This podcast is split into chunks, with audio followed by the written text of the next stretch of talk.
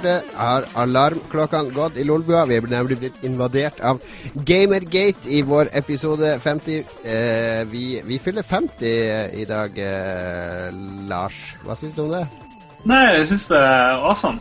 Jeg kom ikke på det før i dag, da jeg skjønte at det var episode 50. Men eh, ja, vi er halvveis til 100. Det Hadde vi du trodd, eh, når vi snakka i Oslo om eh, Du snakka om at du hadde lyst til å starte en podkast, at vi skulle lage 50 episoder av den?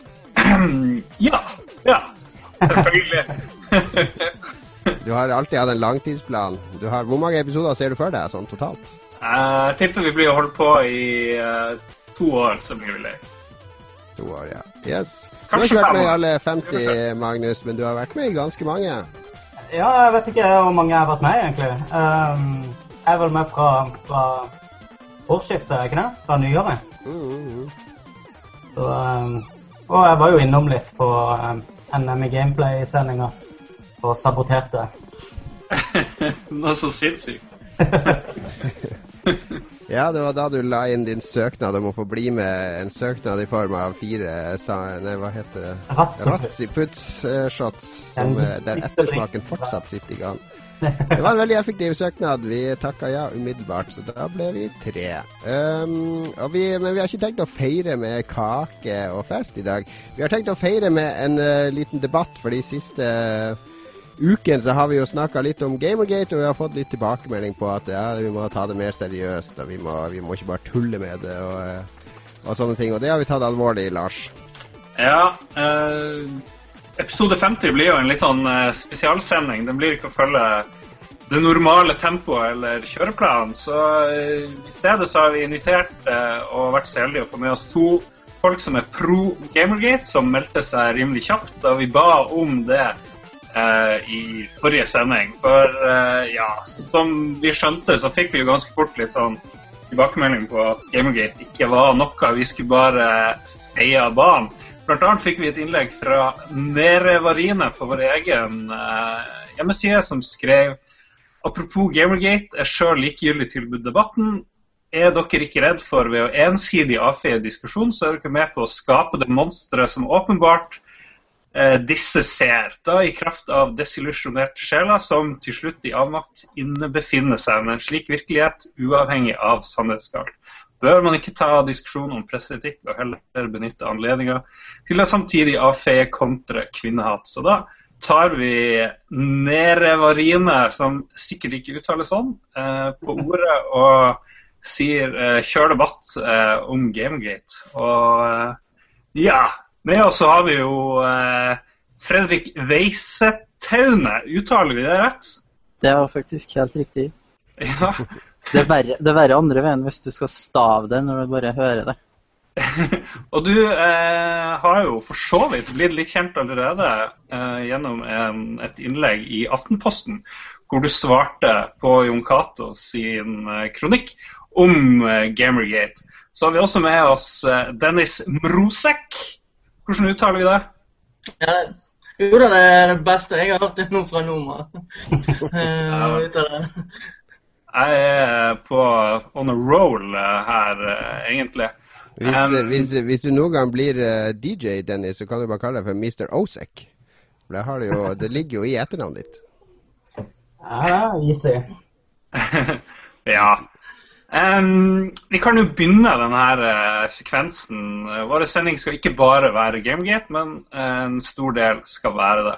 Og Vi kan jo begynne med en liten sånn oppsummering av eh, hvordan det var. Eventuelt få noen innspill fra våre kjære gjester hvis dere syns jeg tar det veldig feil. Men vi skal bare forklare det kort, for jeg tror de fleste har sånn halvveis fått med seg det. For det starta vel i august, i midten av august, hvor en sjalu, en forsmådd eh, ekskjæreste outa hun her spillskaperen, eh, indie-spillskaperen Zoe Quinn. Eh, la frem en lang rekke menn hun hadde ligget med. Eh, var noe sånt som fem. Eh, skrev et sinnssykt langt eh, blogginnlegg eh, som etter hvert spredde seg veldig. Hvor det bl.a. kom frem at hun hadde ligget med en fyr i Kotaku, annet, som hadde skrevet om henne Uh, uten å fortelle uh, noe om eventuelle barn mellom dem. Uh, noen mente at han hadde, eller noen i Kotaku hadde skrevet en positiv anmeldelse av hennes spill. Det viste seg å være feil, men uansett eh, Gamergate-bevegelsen mener at eh, det var bånd mellom å Zoe Quinn og Kotak som burde vært eh, lagt frem, og som eh, spillpressen på et vis skjulte og ga positiv kritikk, kanskje pga. en sånn her tett kontakt. Eh, Gamergate-taggen dukka vel ikke opp før han her Adam Baldwin, var det han? Ja. Ja, brukte den i, da han linka til en del greier om det som etter hvert ble fort kalt eh, Gamergate. Eh, det hele vokste gjennom ulike forum, og så var det vel inn og chattegreier, og det var kanskje ikke så veldig kjent. Eh, etter hvert så kom det eh, masse artikler omtrent på samme dag. Eh, hvor et av budskapene var at gamers, eller i hvert fall gaming, er dødt.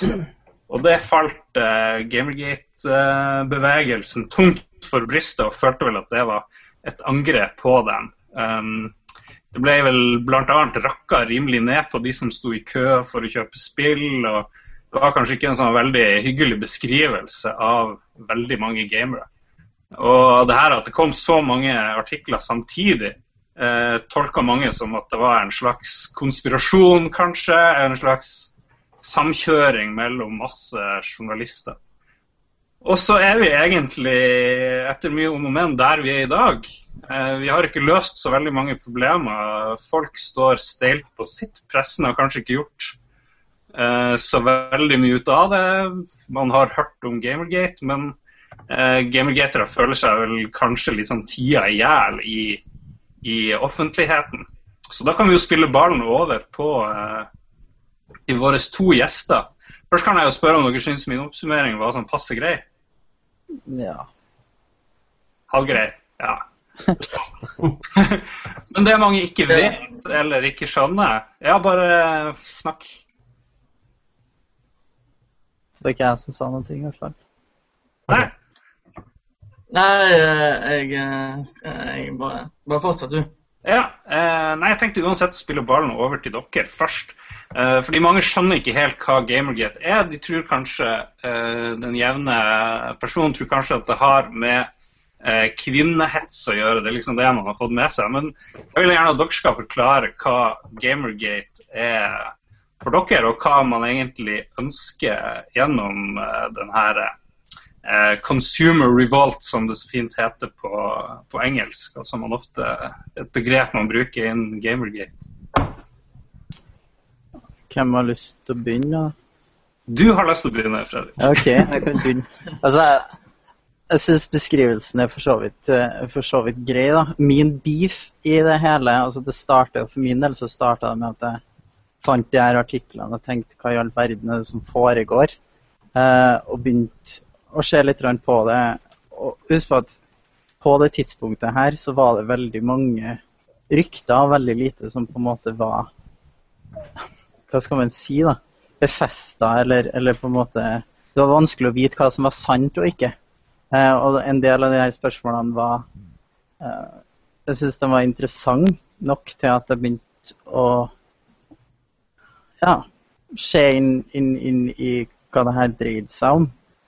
Og når jeg på en måte hadde Jeg vet ikke. Når jeg på en måte fant, fant ut av de her påstandene at måten man valgte å svare på det på, var på en måte å angripe en hel kultur uten at jeg på en måte hadde skjedd det som hadde skjedd, så virka det litt mistenkelig. Eh, og det var jo i denne tida at Game Journals Pro ble avslørt og sånne ting. Eh, og det har, for min del så tror jeg nok det handler mer om hvordan spillpressen har valgt å håndtere det hele veien. For hvis man ser på Eskupist Magazine, var jo også en av dem her som på en måte var veldig i kryssilden veldig tidlig eh, når de her artiklene kom. Og de eh, valgte å konfrontere det, og valgte å på en måte klargjøre sitt standpunkt. Og etter det så har ikke de vært en del av, av debatten. Og det, det, altså det har vært min, mitt standpunkt hele veien, at det er håndtert feil, rett og slett. Skal vi gå litt i Forklare litt av det du sier for de som kanskje ikke vet det. Du snakka om Game Journals Pro, var det du kalte det? Ja. Hva er det for noe? Altså, det er jo Jeg kjenner ikke det så godt som jeg kanskje skulle ha likt at jeg har gjort, men det er jo da ei, ei mailingliste mellom flere eh, Mellom både journalister og eh, redaktører i forskjellige spill, eh, spillpressesider, eller hva man skal kalle det, spillsida, mm. som har snakka sammen om forskjellige ting. Eh, nå har det vært en, et visst hysteri rundt det, vil jeg nok påstå. For det er jo veldig mye av det her som på en måte har vært litt sånn løs prat og sånn, men det har også vært eksempel... Altså, det, for det første så bekrefta det nok en del av de mistankene veldig mange hadde. Og det gjorde ikke noe lettere at de på en måte hadde holdt det her skjult, men også så har det jo vært en del eksempler på at bl.a. det her, altså den her Zoe Quinn-dealen, ble snakka om hvordan man skulle angripe det og sånne ting. Um, I tillegg til at at man har diskutert uh, om andre bør få jobb eller ikke, og sånne ting. Uh. Og det er jo ting som vi på en måte forutså at kom til å skje, da. Mm. Ja. Uh, det her Game Drums Pro, det er jo som du, det, som du, sier, det er vel faktisk en sånn et nettverk mellom en Jeg vet ikke hvor mange journalister og redaktører det var. Det var ikke sånn sinnssykt mange, tror jeg. Kanskje en, mellom 10 og 20 stakk, et eller annet sånt. Mm. Og en av de tingene som Gamergate reagerte på, det var vel at om de skulle gi en gave til Zoe Quinn eller et eller annet sånt. Det, det, liksom Gi henne noen blomster eller et eller annet for å liksom trøste henne oppi det hele. Eh, og så var det snakk om en eller annen fyr om han skulle få jobb eller ikke. og ditt og datt. Så det, ja, det høres jo ikke så veldig bra ut i det hele tatt. Og det er vel ingen som har liksom benekta det at det har skjedd. Så det er vel kanskje en av de her kritikkverdige tingene som har dukket opp altså, i det hele. Altså igjen da, Mitt poeng er at, at det har ikke blitt konfrontert. Eh, og det er det som er problemet for min del. Alle sammen kan gjøre feil, eh, og sånn er det. Men når man på en måte velger å tie ting, så er det heldig. Uh, og det var jo litt av det som jeg var Altså, debatten har på en måte veldig i det siste dreid seg veldig mye om, om de her truslene og det hatet som har, folk har blitt utsatt for. Og det er jo Altså, som jeg skrev i kronikken også, så er det det er ingen, altså Gamergate har ingenting å tjene på at det her skjer, og vi har heller ingenting å, eh, tjene på at folk driver på sånn, så det er på en måte litt sånn bakstreversk at, at, fortsatt, at vi fortsatt på en måte ikke har klart å bli kvitt de uroelementene, hvis jeg får lov til å kalle det. Samtidig så så har det skjedd ganske mange ting i forhold til det. Vi har, hatt, vi har fått, uh, vi har fått Gamergate Harassment Patrol, som fungerer veldig effektivt. Uh, hvor folk har på en måte Hvis du skriver Gamergate Harassment Patrol på Twitter, så kommer det masse folk og ser om om det her er legitimt eller ikke, eller om det her er trusler eller ikke. Og man prøver å få fjernet så fort som mulig. Og det er veldig mange innenfor bevegelsen som på en måte prøver å gjøre noe med det. Og det jeg skulle på en måte ønska, er at flere også har sett på det hatet som flere på Gamergate-sida har blitt utsatt for. For det har også altså, han Milo som, som avslørte her Game Generals Pro-lista. han fikk jo tilsendt ei sprøyte i posten. Uh, King of Poll fikk tilsendt en kniv med oppfordring til å ta sitt eget liv. Så det har på en måte vært, vært ganske og, altså, og, For ikke nevne hashtaggen 'describe a gamer in four words', hvis du søker på den på Twitter, det er ganske stygt det du finner der. Alt, altså Det handler bare om å på en måte snakke stygt om gamere. Og det er en lite fruktbar måte å drive debatt på, da. Uh, men hvis jeg får skyte inn her, er det ikke Mitt inntrykk er at det er veldig mange på begge sider her som, som syns denne konflikten er kjempeartig og som syns all denne drittslenga er kjempeartig. Og det er derfor de holder på. De har en konflikt, og de kan drive og grave på internett og plukke argumenter fra hverandre, begge sider, og henge ut hverandre. Det, hvordan skal man ha et konstruktivt debattklima når du har eh, en gjeng med apekatter på begge sider som bare er interessert i å kaste bæsj? Hmm. Jeg er fullstendig enig med deg. Eh, men mitt, mitt, poeng er at man skal ignorere apekattene og snakke med de få som faktisk ønsker en, en ordentlig debatt. Eh, hvis, hvis, du har, hvis, du har, fulgt Liana K på Twitter, f.eks. Hun har vært en veldig fornuftig stemme hun har vært en veldig balansert stemme. og det, Begge sidene har svin på skogen. Og jeg, jeg, skal være den første til å innrømme at Gamergate har mer svin på skogen enn den andre sida. Uh, men, men, hvis vi på en måte vil forbi det her, så må vi slutte å fokusere på trollene og heller på en måte prøve å ta debatten der den er. Og det har vært mitt mantra. Altså, ja. Jeg er ikke den rette til å diskutere jeg er ikke den rette til å diskutere uh, detaljene i det her. Altså, uh, Total Biscuit har gjort en mye bedre jobb enn det jeg noen gang kommer til å få til å gjøre, f.eks. Men jeg har også lyst til å si det, at når Totillo valgte å stille opp på Total Biscuit, så tror jeg det er et veldig godt steg i riktig retning, fordi at man har begynt å få samla og begynt å på en måte ta et oppgjør med det. Hva er Ja, jeg tenker vi kan jo høre også uh, med vår uh, andre gjest, uh, Dennis. Hører du oss? Vi hadde litt issues med linja her. Ja, jeg hører litt sånn Det detter litt ut av og til, men nå uh, tror jeg det er greit. Men uh, jeg tror uh, det Fredrik sier, er ganske mye rett i. og at eh, Jeg syns eh, egentlig det er fantastisk at dere tar med noen herfra og prøver å kjøre en debatt. og ikke bare la det gå i det samme. Dere har jo egentlig sagt noen stygge ting om Gamergate, men jeg syns det er egentlig ganske produktivt at dere faktisk orker å ta oss med. Så, ja. Ja, jeg kan, det, Dere tar det sikkert som litt spøkete. Vet er litt, litt laidback og uh, kanskje litt sarkasme i det, men uh, ja. ja. Vi er ikke så veldig seriøse, men vi er uvanlig seriøse i dag. Jeg kan jo si det, Du sier vi sa ikke så veldig snille ting om dere sist. Da har du kanskje rett i. Jeg kalte stort sett alle i Gamergate for å være amøber. Det, det, det, skal jeg ta, det skal jeg ta selvkritikk for. Det var ikke veldig konstruktivt.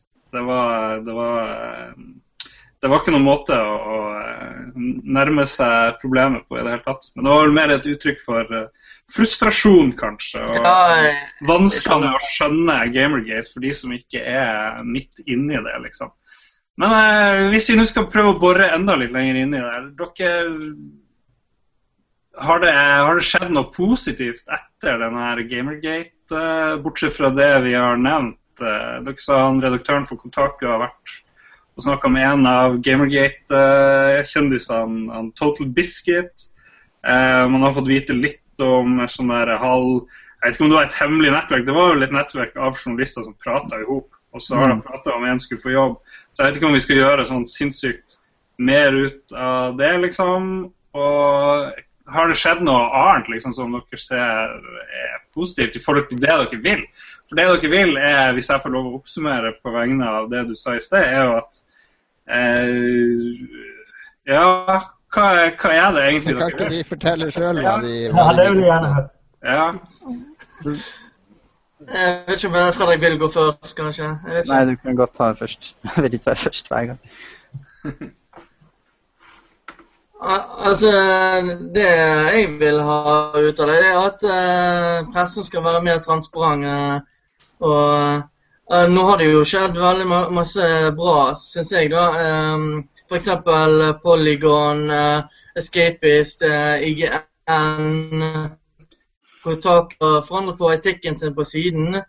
Og så er det blitt samlet penger til forskjellige veldedige mål, sånn som uh, Fine Young Capitalist, der kvinner skal ha fått Hvor mye er det? Det er vel 300 000 kroner for å utvikle spill. Og så ja, Til sammen er det blitt samlet rundt 500 000 i penger for uh, veldedige mål. Uh, jeg, vet, jeg, vet, ikke Jeg kommer ikke på akkurat noe nå, men uh, Ja, det er også Ja, at det har blitt mer samtale i det siste, egentlig. Jeg vet ikke om Fredrik har noe å tilføye. Altså, først så er jeg på en måte en av Jeg har lyst til å si først, da, det skrev jeg vel også i kronikken min. Jeg, på en måte, jeg, jeg fikk, fikk, ut ganske mye der. Men, men, det er veldig mange i Gamergate som på en måte har begynt å mase om at man skal ha objektive, objektive anmeldelser og sånn der. Uh, det er en av de tingene som jeg på en måte aldri har vært enig i. Det finnes ikke noe som heter for en objektiv anmeldelse. Men det er forskjell på objektive, altså, objektive anmeldelser og objektiv nyhetsdekning. Og at man, at man får et tydeligere skille på det som er på en måte det vi kaller for kronikk i Norge, da, eh, og nyhetsdekning, det er en av de tingene som jeg ønsker meg. Men også så ønsker jeg at man skal få en, en mer en debatt hvor det slipper til flere stemmer. Da. Eh, og det er jo altså, Og det skrev jeg også i kronikken min. Eh, at, at det er hele fadesen med, med den videoserien til Sarkisian f.eks. Jeg syns jo at det her er et en veldig interessant debatt vi kan ta. Men før vi kan ta den debatten, så må vi på en måte Det har på en måte blitt framstilt hele veien som om alle sammen som er uenige med Sarkisian, er kvinnehatende drittsekker. Eh, og vi er nødt til å komme over det da, før vi kan ha en debatt. Og at man slipper til kritikere av Sarkisian også i debatten, sånn at man får, eh, får en mer balansert debatt. Og det gjelder jo ikke bare hun, altså det gjelder jo på en måte mange av de samtalene vi har i, for, i forhold til spill i bransjen. Fordi, fordi bransjen trenger de her debattene. Eh, og for å kunne og for, for, å kunne komme videre. Og da er det viktig Men dette, at altså, for, det, dette ifølge Kotaku in Action og andre sånne steder er jo ikke i tråd med deres ønsker, det du beskriver. De vil jo ikke ha så mye politisk vektige innhold, eh, så mye kommentarer. De vil ha, de vil ha objektiv nyhetsjournalistikk og mer objektive anmeldelser. Så du er jo litt på sida av det, det, i hvert fall det de offentlige delene av bevegelsen sier. Ja, og det er jeg fullstendig klar over. Eh, og Derfor syns jeg det er vanskelig å på en måte definere meg som Men det er veldig mange forskjellige folk i Gamergate også, og veldig mange vil forskjellige ting. Eh, så det, det, er jo, det, er jo, en vanskelig debatt. Eh, men, men kan, kan, du ikke si hva det, hva det Gamergate vil? For jeg føler fremdeles ikke vi har vi har fremdeles ikke liksom noe ordentlig Altså, Er det transparent media? Hva legger dere i det, f.eks.? Og, og det har, jeg syns vi har kommet ganske langt der. da. Altså At folk i mye større grad begynner å, å redegjøre for hvis man kjenner noen man skriver om. Eh, det er jo et godt Og det har begynt å skje. Eh, Kotaku gjør det nå. Eh, Eskepies Magazine sa at de skulle gjøre det med en gang det her begynte å dukke opp. Men det er én ting. Det andre er at en, en mer balansert debatt hvor flere stemmer slipper til. Og jeg tror veldig mange, selv om jeg tror veldig mange sitter med den frustrasjonen at de føler at de ikke har blitt representert over veldig lang tid. Og og det på en måte man har flokka til denne hashtagen selv om det har vært ting man ikke er enig i, så er frustrasjonen såpass dyp at, at Men, altså, der, hvis, jeg, hvis, jeg, får skyte inn litt eh, der, der tror jeg du er inne på kjernen i noe. For jeg tror det Sånn som jeg har observert, og jeg har skrevet om spill nå i uh, snart 20 år, uh, og at de siste Siden Nintendo Wii kom, så har det bredd seg en sånn misnøye, spesielt blant det vi gjerne kaller for gamersegmentet, der de har følt seg litt uh, tilsidesatt, litt neglisjert. Det har kommet Nintendo Wii, det har kommet Kinect, det har kommet mobiltelefoner, det har kommet mobilspill, det har kommet forretningsmodeller som bryter med det som de har vært glad i og det de har vært vant til. Og så har det balla på seg. Og så har hele Gamergate blitt en sånn oppsamlingsplass for veldig mange frustrasjoner. Mm. Eh, veldig mange gamere som har følt seg eh, tilsidesatt i mange, mange år, som nå har kommet ut av treverket. Og noen driver med hetsing, noen driver bare og kriger, og noen driver med, med det dere driver med. Fredrik, ja. Eh, Fredrik, du sier du vil ha flere stemmer, men hvilke stemmer er det? liksom? Hva, er det ikke bare å starte sin egen eh, nettside, f.eks. Sånn som du har gjort. Ja, og det ironiske er jo at det er veldig mange Gamergate som ikke ønsker mitt bidrag. Eh, for at hvis du lest, Jeg vet ikke om dere har lest bloggen min, jeg har jo nettopp starta den og har heller ikke hatt så veldig mye tid. Men jeg, jeg, ønsker jo å skrive med et politisk tilsnitt. Jeg har hatt veldig lyst til å skrive om Watchdogs nå i, i forhold til den, eh, den, dokumentaren som gikk på NRK om, om overvåkningssamfunnet, f.eks. For, eksempel. for jeg syns det er en del interessante koblinger her. Men eh, nå først, kan du stille spørsmålet på nytt, for nå datt jeg ut. Nei, Du sier du vil ha flere stemmer i, i spillpressen, men liksom, hva er de stemmene du savner der, mer konkret? Og kan ikke folk som er misfornøyd, starte sine egne nettsider, f.eks., som et alternativ? da? Jo, og, det er det jo også en del som gjør, men jeg tenker altså, I Norge, f.eks. Det at Aftenposten godtok kronikken min, det kom litt som et sjokk på meg også, må jeg ærlig innrømme. Men, eh, men bare det at, at, at, vi i Norge har tilsvarsretten så sterkt, og at man på en måte har det som, slags opp, altså som en slags gullstandard at, at i konflikter så, så prøver man å, å få så mange synspunkter som mulig. At man også har det i de internasjonale store spillsidene. Man har fått det på, på Eskepist Magazine igjen nå. Det har vært Det var en av hva var det, en av utviklerne bak Mafia som uttalte seg om Gamergate der. Jeg vet ikke om dere har lest den?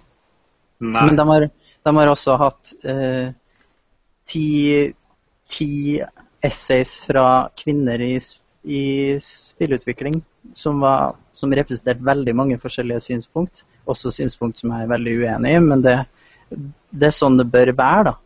Eh, men i hovedsak, så i forhold til Sarkisien, hun har hatt veldig mange som har vært kritiske til Sarkisian, som er uenige med henne, men som ikke har sluppet det i de store sidene. Og det er litt det jeg tenker er litt viktig også, at, at de her store spillsidene forstår det ansvaret de har eh, og den posisjonen de har i industrien, at man prøver å på en måte være en plattform for diskusjon og debatt. Og det er veldig fint om vi får det her samla på noen steder hvor på en måte det har et stort publikum. da. Um, hva tror du er grunnen til at dere ikke har sluppet til eh, i disse debattene mot Sarkisian og sånne ting? Mm, det vet ikke jeg. Uh, tror du det har noe med hva folk assosierer dere med? eller? med, med liksom, uh, PR-problemet? altså det, det, nå har det ikke vært veldig mye debatt med Sarkisian. Han uh, har, jo, har, jo, egentlig bare enveiskjør og vært på intervjuer med ikke noen motsatte sider. Så sånn sett så uh, vet ikke helt hva vi skal gjøre det med det. Det har jo også ikke vært enkelt for Gamergate å prate fordi vi har blitt sett på som uh, kvinnehatere, f.eks. på Reddit, 4chan. Eh, og andre steder. Og alt er blitt slettet eh, av tråder. Så at, at, vi har en sånn debatt som vi har i dag, det tror jeg er ganske bra. Men, men tror du da at hvis dere hadde flagga en plattform og kanskje en, et par talspersoner fra starten av, og dermed kunne skille deg fra de eh, mer kvinnehatende elementene som har flydd rundt der, tror du kanskje dere hadde sluppet til litt lettere fra starten av? da? Jeg tenker altså, Det er litt vanskelig å si. De... Vi, hvis det er innlegget som holder deg tilbake, tenker jeg. Ja. Bare gå først, du, Fredrik. Ja. Ja, OK. Altså, for det første så er jo det her Sarkisian har jo aldri forholdt seg til kritikk. Uh, og du har jo fått veldig, mange, veldig mye respons på YouTube uh, fra brukere både her og der. Mye av det har vært usaklig og teit, men noe av det har også vært uh, Altså i hvert fall altså Man kan jo man kan jo mene hva man vil om argumentene som har blitt fremma, men det har vært mange som har kritisert deg uten å på en måte være heslig, hvis hvis det går an å si det. da. Kitetails, Kitetails det er en, en, en, YouTuber som jeg har veldig stor respekt for, en kvinnelig YouTuber som også er gamer, som har laga en videorespons på den første videoen hennes, som jeg synes er veldig god. Men hennes svar har hele tida vært at, at de som er uenige med meg, eller altså, hun, de som er uenige med meg, er troll. da. Og hun har på en måte aldri anerkjent at, at det er folk som er uenige med henne uten Altså hun har på en måte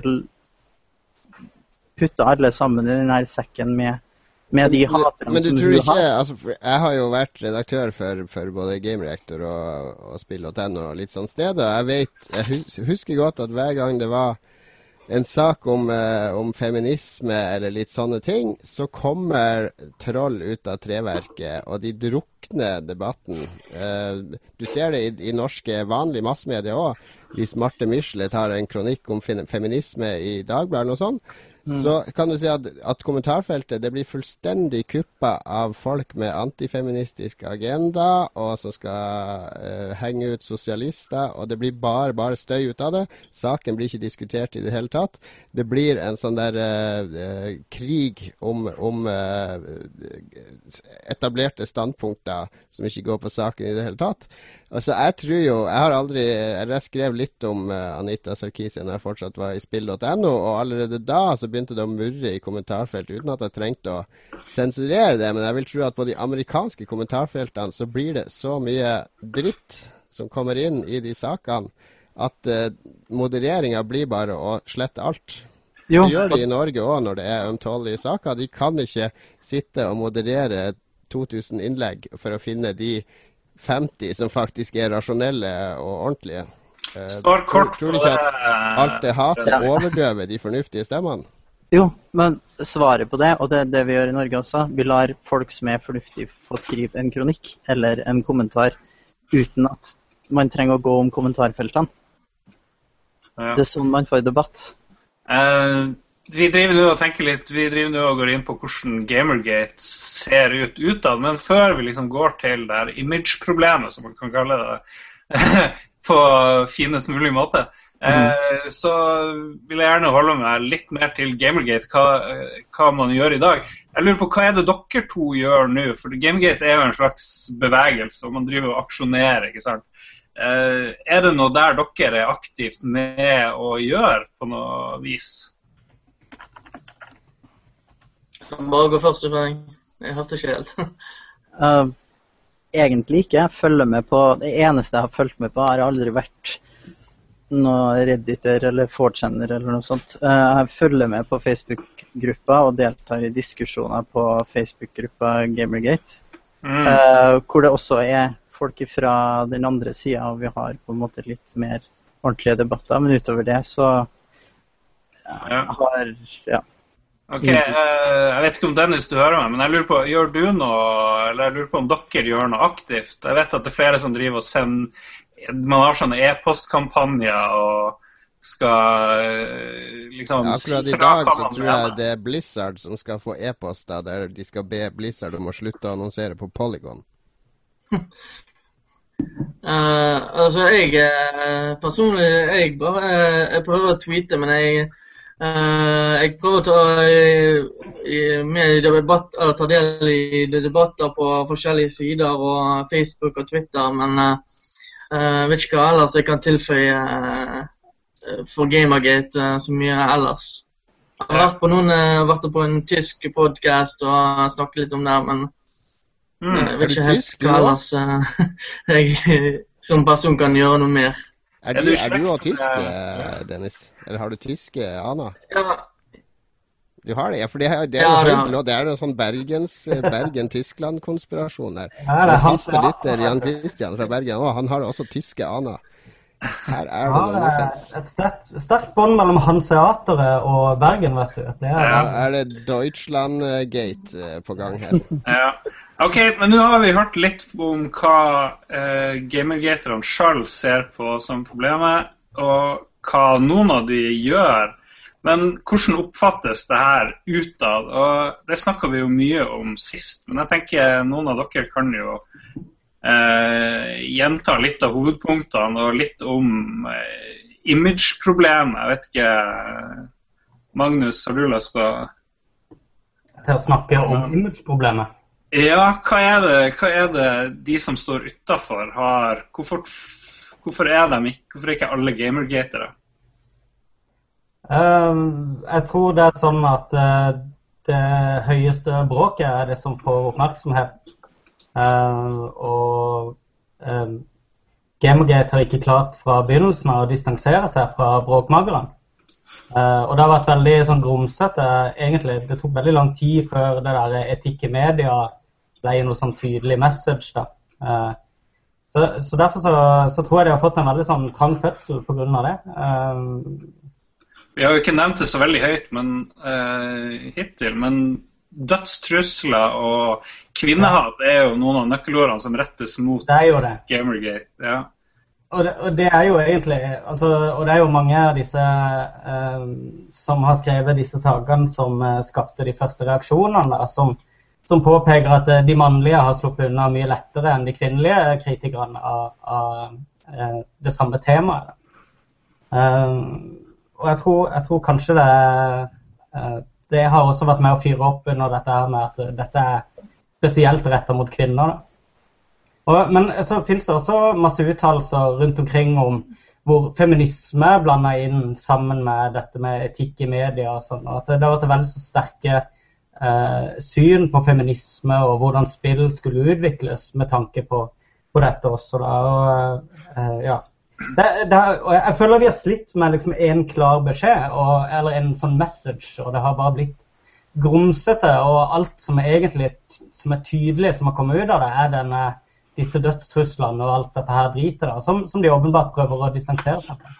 Jeg tror det er litt deres egen skyld, fordi de velger å være en litt sånn anonymous bevegelse hvor uh, de er en sånn politisk legion, uh, og ingen må stå 100 til rette for hva som blir sagt eller gjort, men de angriper i, uh, i flokk. Og det, og, og det, tror jeg også er grunnen til at ikke de, i, at ikke de har sluppet til i, på disse debattene. Jeg tror, jeg tror, det hadde vært interessant å, å, eh, få en debatt på veldig mange av de temaene som, som, de er kritiske på. Men når de liksom er i ledtog med en gjeng med galninger som de ikke har kontroll på det altså, sånn som, altså, Fredrik her var jo medlem av Arbeiderpartiet. Hvis det var sånn at tusenvis av Arbeiderpartifolk løp rundt og banka folk på gata, så ville jo selvfølgelig Arbeiderpartiet hatt problemer med å få, få artikler i media og bli hørt eh, og bli tatt like seriøst i media som, som andre politiske partier. Det, det, har litt med at en må ha kontroll på egne rekker, tror jeg. Vi må vel la uh, Dennis eller Fredrik få kommentere at Gamergate sammenlignes med Arbeiderpartiet hvis 1000 folk gikk rundt og banka folk på gata. Altså, nå tok jo Magnus opp uh, det med at uh, Eh, det er blitt sendt dødstrusler, og det er kanskje blitt litt grumsete. Men det er jo gamergatere som har uh, sendt det videre til uh, og anmeldt det til politiet. alle de her. Og, og Fredrik har jo nevnt Harassment Patrol, der gamergatere uh, sjøl altså, tar tak i folk som prøver å skjule seg som troll blant bevegelsen. Og, Men det, det endrer jo ikke og det. At, uh, Altså, alle i bevegelsen har ikke noe med det å gjøre. Nei, det sier jeg heller ikke. Jeg sier at dere har et mm. image-problem fordi dere ikke har distansere det. Uh, nei, jeg sier ikke at, at, dere nødvendigvis er direkte med på denne uh, plaginga, men jeg sier at dere har ikke klart, tydeligvis, så har dere ikke klart å distansere dere fra disse uh, elementene da, som gjør at det har endt opp med en grumsete message. Og Derfor blir det ikke tatt seriøst. Så jeg tror det, det første de må gjøre, er å bare etablere noe klart og konsist som alle kan forholde seg til. Og da vet folk hva det er, og hva det ikke er. Og det er ja, men, for ikke gjort. Men f.eks. trusselen til Anita Sarkisian ble på denne Utah-universitetet det, eh, det, ble jo rapportert. Men på ingen steder i det brevet står det at det er Gamergate. Og likevel så linker Anita Sikisene til Gamergate. Uten noe bevis. Og hvis dere hadde hatt bedre styring på, og bedre kontroll over deres egen message, så hadde ikke det vært et problem for dere. Mm. Men siden dere ikke har det, så er det mulig å feste sånn på dere. Ja, men nå er det bare TV har bare intervjuet uh, uh, de som har blitt truet, uten å la noen andre få komme til heller. Så da er det litt vanskelig. Så vi, vi har ikke noen ledere sånn sett. Så det... Nei, det er et problem. Altså Til syvende og sist er det dere som kontrollerer deres budskap. Og Hvis ikke dere klarer å formidle det godt nok, så ender det opp sånn. Og det er likt for alle. Uh, og på ett punkt så må dere slutte å peke på andre og ta ansvar for at dere kunne kanskje starta litt bedre og litt mer eh, eh, klart og tydelig. Så hadde kanskje veldig mye av dette vært et ikke-problem for dere. Fredrik, burde Gamergate ha en definert ledelse? Jeg, jeg syns det er et veldig vanskelig spørsmål, fordi jeg tror nok Altså, jeg tror at, eh, at det er et veldig godt poeng det, når man snakker om det image-problemet som selvfølgelig er der. Uh, at det er en utfordring, men samtidig så tror jeg det er veldig vanskelig å starte eh, noe som, som kan bli så stort på tvers av alle de stemmene og alle de forskjellige menneskene eh, og alle de eh, Altså at man får på en måte samla noen ting, tror jeg er ganske vanskelig, da. Eh, men samtidig så er det på en måte Det jeg har lyst til å si i forhold til det Det Magnus du heter? Ja. Ja. Jeg må bare få samla tankene litt. Um, at, at mye av det hatet som har vært retta mot de her tre damene Man har på en måte prøvd å ta så avstand fra det som man klarer. Og man har prøvd å gjøre noe med det. Vi har, eh, vi har rapportert Jeg har sjøl vært med på å rapportere eh, en viss ekkel fyr som, som spredde ganske groteske bilder uh, og tagga, Anita Sarkisien. Og det er, altså det, det er, litt vanskelig å se hva mer man kan gjøre. Da. Samtidig så er det ganske frustrerende å se at det hatet som på en måte kommer fra vår side, uh, på en måte blir tema for debatten, mens det hatet som har vært retta mot folk i folk til, altså kjente folk i vår bevegelse, men også alle bak Not Your Shield, som har fått opplevd å bli Altså man har stilt spørsmål ved kjønn, kjønn om de faktisk er damer, om de faktisk er minoriteter. Uh, hvor hvor folk som har sagt at de Altså damer som er pro Gamergate, som har opplevd å bli kalt for uh, hore eller kjønnssviker for at de har gjort det. Altså, Det stikker ikke til den andre sida. Men jeg tror du misforstår meg hvis du tror at jeg, jeg, jeg Altså, jeg prøver å forklare bare grunnen til at dere er der dere er i dag. Mm. På et eller annet punkt så må dere ta selvkritikk på det. Dere må okay. se på hva dere gjorde feil òg. For det er ikke sånn at alle politiske bevegelser har en sverm av destruktive elementer rundt seg Nei. som en ikke altså, klarer å distansere seg fra. De aller, aller fleste politiske bevegelser har, en, har et budskap, og så mm. vokser de. Og de vokser ikke med en haug med sånn authority rundt seg som ikke de klarer å kontrollere. Da går det galt, og det føler jeg er mye av grunnen til at dere er der dere er i dag, og ikke blir tatt seriøst. Um, dere nevner jo Sarkisian, som, for de som ikke vet det. Det er jo en sånn uh, kvinne som hun leder et uh, noe som heter Feminist Frequency, som er en videobloggkanal, så vidt jeg har skjønt, hvor de kritiserer både dataspill, video eller filmer og sånt fra et feministisk perspektiv. Hva er det som gjør at hun får så mye oppmerksomhet? Er det ikke greit at én kvinne uh, kritiserer dataspill? uh, fra et feministisk ståsted. Uh, hva er det liksom med hun som gjør at hun får denne negative fokuset? Som jeg, som jeg sa i sted, så tror jeg den debatten Sarkisian prøver å få til, eller i hvert fall har på en måte vært utgangspunktet for, eh, kunne ha vært en veldig interessant debatt hvis det på en måte hadde oppstått en debatt hvor man ikke har hatt det her eh, hvis man ikke har fått det her at hvis du er enig med Sarkisian, så er du en social justice warrior, og hvis du hvis du er uenig med Sarkisian, så er du en kvinnehater. At vi må på en måte at vi, vi, trenger flere. Det er det som har vært mitt og det er litt svar til det i stad, hvordan vi skal på en måte riste av oss det imaget. At vi samles flere for å prøve å ta den, vikt, altså den debatten, og at vi tar et oppgjør med hatet fra begge sidene. Jeg tror ikke vi kommer noen vei før, før alle anerkjenner det som har skjedd og at man prøver å ta debatten derifra. Og Sarkisian må jo selvfølgelig få lov til å si akkurat hva det hun vil, hun også. Eh, jeg forstår ikke veldig mye av det hatet hun har blitt utsatt for. Ja, Men det som er med Sarkisian, som jeg tenker som er litt spesielt, eller ikke spesielt, men man bør tenke på, det er at hun har en master i uh, hva det er, social and political thought. Hun er jo egentlig, hun har vel et slags uh, uh, hva det kalles, akademisk jeg tror hun bare har en bachelor i telekommunikasjon. Nei, hun har en bachelor og far og en master i tillegg. Så hennes debatt er jo egentlig i det, det akademiske. Bør det ikke være akademikere, liksom Tror dere ikke dem uh, står godt nok rusta til å liksom ta den der debatten? Er det gamere som liksom Må gamere gå i strupen på henne? Skal, skal, gamere definere rammen for akademisk kritikk, er vel det du spør om? Ja. Godt sagt. Uh, jeg vet ikke om Fredrik vil ta først? Altså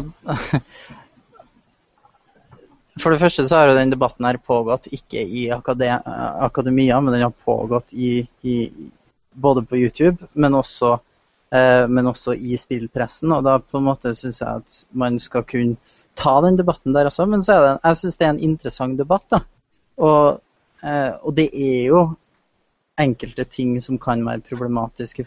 Mye av det hun sier kan det være et poeng i, men, men man aldri, man vil aldri få noe konstruktivt uten at man på en måte inviterer til debatt også. Og at man kan på en måte ja, altså snakke om altså Ta påstandene hennes på alvor og på en måte plukke dem fra hverandre og, og, ta en ordentlig debatt, sånn som vi har ellers i samfunnet. Altså Vi har jo akademiske debatter, eller kritikere, eller så, altså folk som har en akademisk bakgrunn som fører debatter i offentligheten i Norge også, uten at det er et problem, liksom. Ja.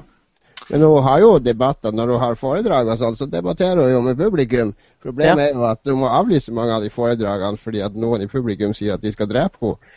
Så det, det, er jo, det er jo ikke bare det, det, er jo en grunn til at den debatten blir stoppa ofte. Det er vel bare én debatt som er stoppa. Vi trenger ikke si at det er flere. Men, ja. Jeg skal akkurat si det. Men, men altså, jeg, jeg, jeg syns jo det er forferdelig trist, jeg også.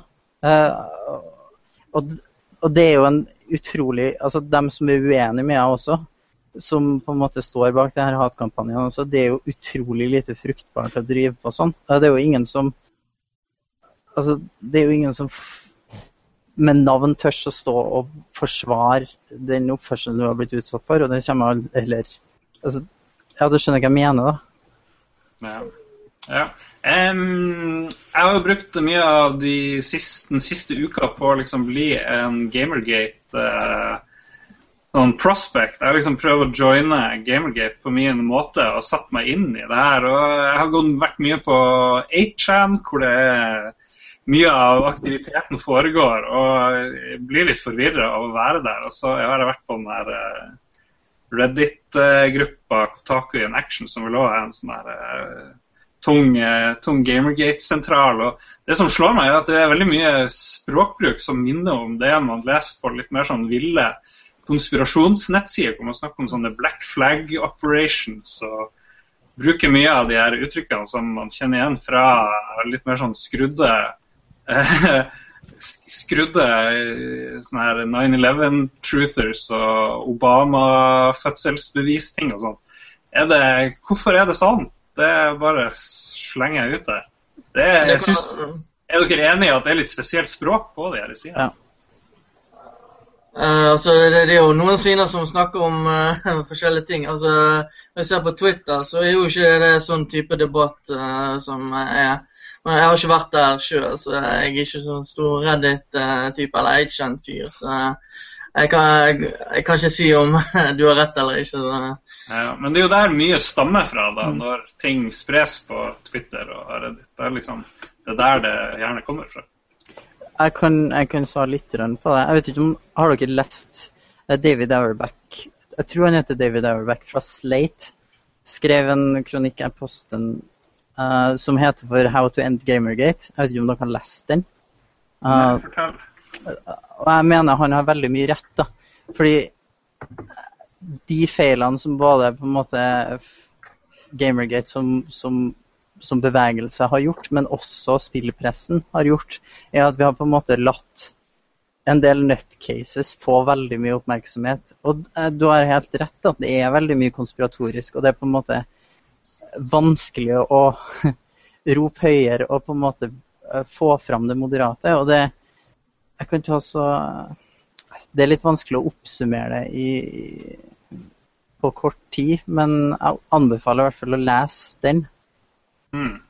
Uh, litt, litt i sted om uh, Jon Cato som nevnte om uh, akademikere som har prøvd å kritisere Anita Sarkisian, selv om hun egentlig ikke har noe med Gamergate egentlig å gjøre. Men hvis dere har hørt om Thunderfoot, så har han gått inn på temaene flere ganger. og Han har faktisk blitt eh, suspendert for å kritisere henne på Twitter. Så eh, jeg ville bare si det.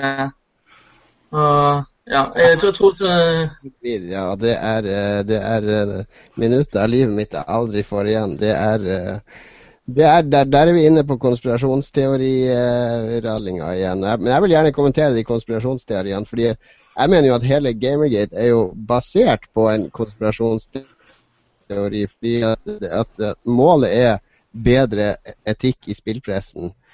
Og det tilsier jo at da, finnes det noen som jobber for eh, dårlig etikk i spillpressen. Altså at de må kjempe mot noen som, som, er for At det er en konspirasjon i spillpressen om å, om å undergrave budskapet overfor lesere, om å konspirere mot lesere, om å, om å ødelegge spillstoffet for gamere. Eller ødelegge gamerne sin identitet. Og den konspirasjonen, den, den har ikke jeg funnet Eller den eksisterer ikke. Det er ingen spillmedia altså, som aktivt går inn for å, å, å, jobbe uetisk. Det er sikkert noen, det er noen som har latt seg kjøpe og betale opp gjennom årene, ja, det er det. Men etikken i spillpressen nå, de siste fem årene, er tusen ganger bedre enn den var for 10 eller 15 eller 20 år siden, fordi spillpressen har vokst opp sammen med spillbransjen. Og de har blitt mer bevisst på sin rolle, og de har blitt mer bevisst på skillet de skal ha mellom seg sjøl og utgivere. Uh, og, og, og, at de, de, ikke bare kan være en promoteringskanal for utgiverne, men å være en selvstendig stemme som, som skal være med og fremheve spill som kultur og spill som fenomen. Så jeg synes hele, For jeg har jobba for, for, bedre etikk i spillpressen i over fem år. Uh, vi har fått til masse i Norge, både via et skjult forum og via eh, Spillkritikerlauget, som jeg var med å starte. Vi, vi alle norske sider så å si, bortsett fra GameRett, og kanskje de skriver i artiklene sine om turen var betalt av utgiver. Eh, de, de er transparente på sånne ting.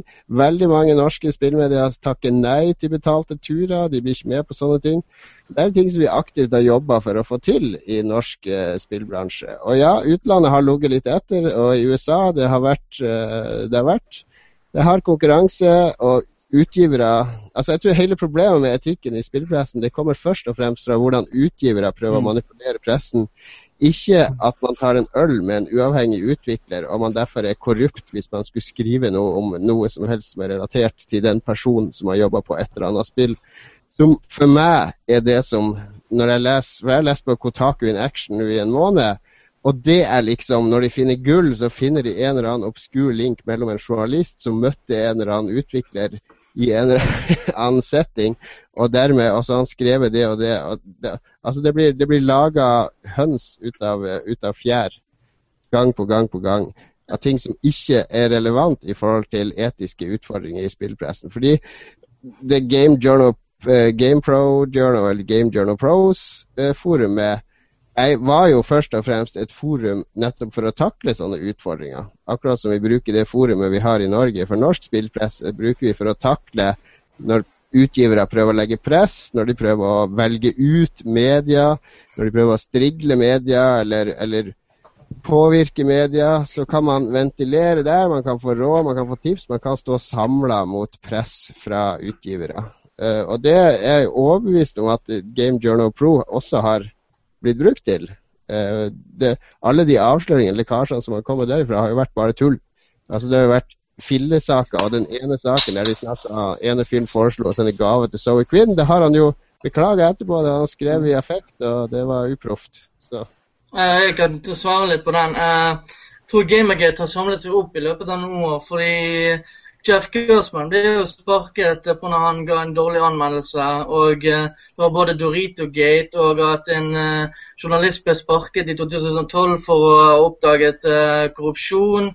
Altså Det er flere ting i løpet av årene som har gjort uh, dette. Altså det, det, er ikke bare sånn at det kommer ut av intet. om Jeff Gersman, fordi hvem er det som er den slemme her? Jo, det er utgiveren til GameSpot. Det er sjefene i GameSpot.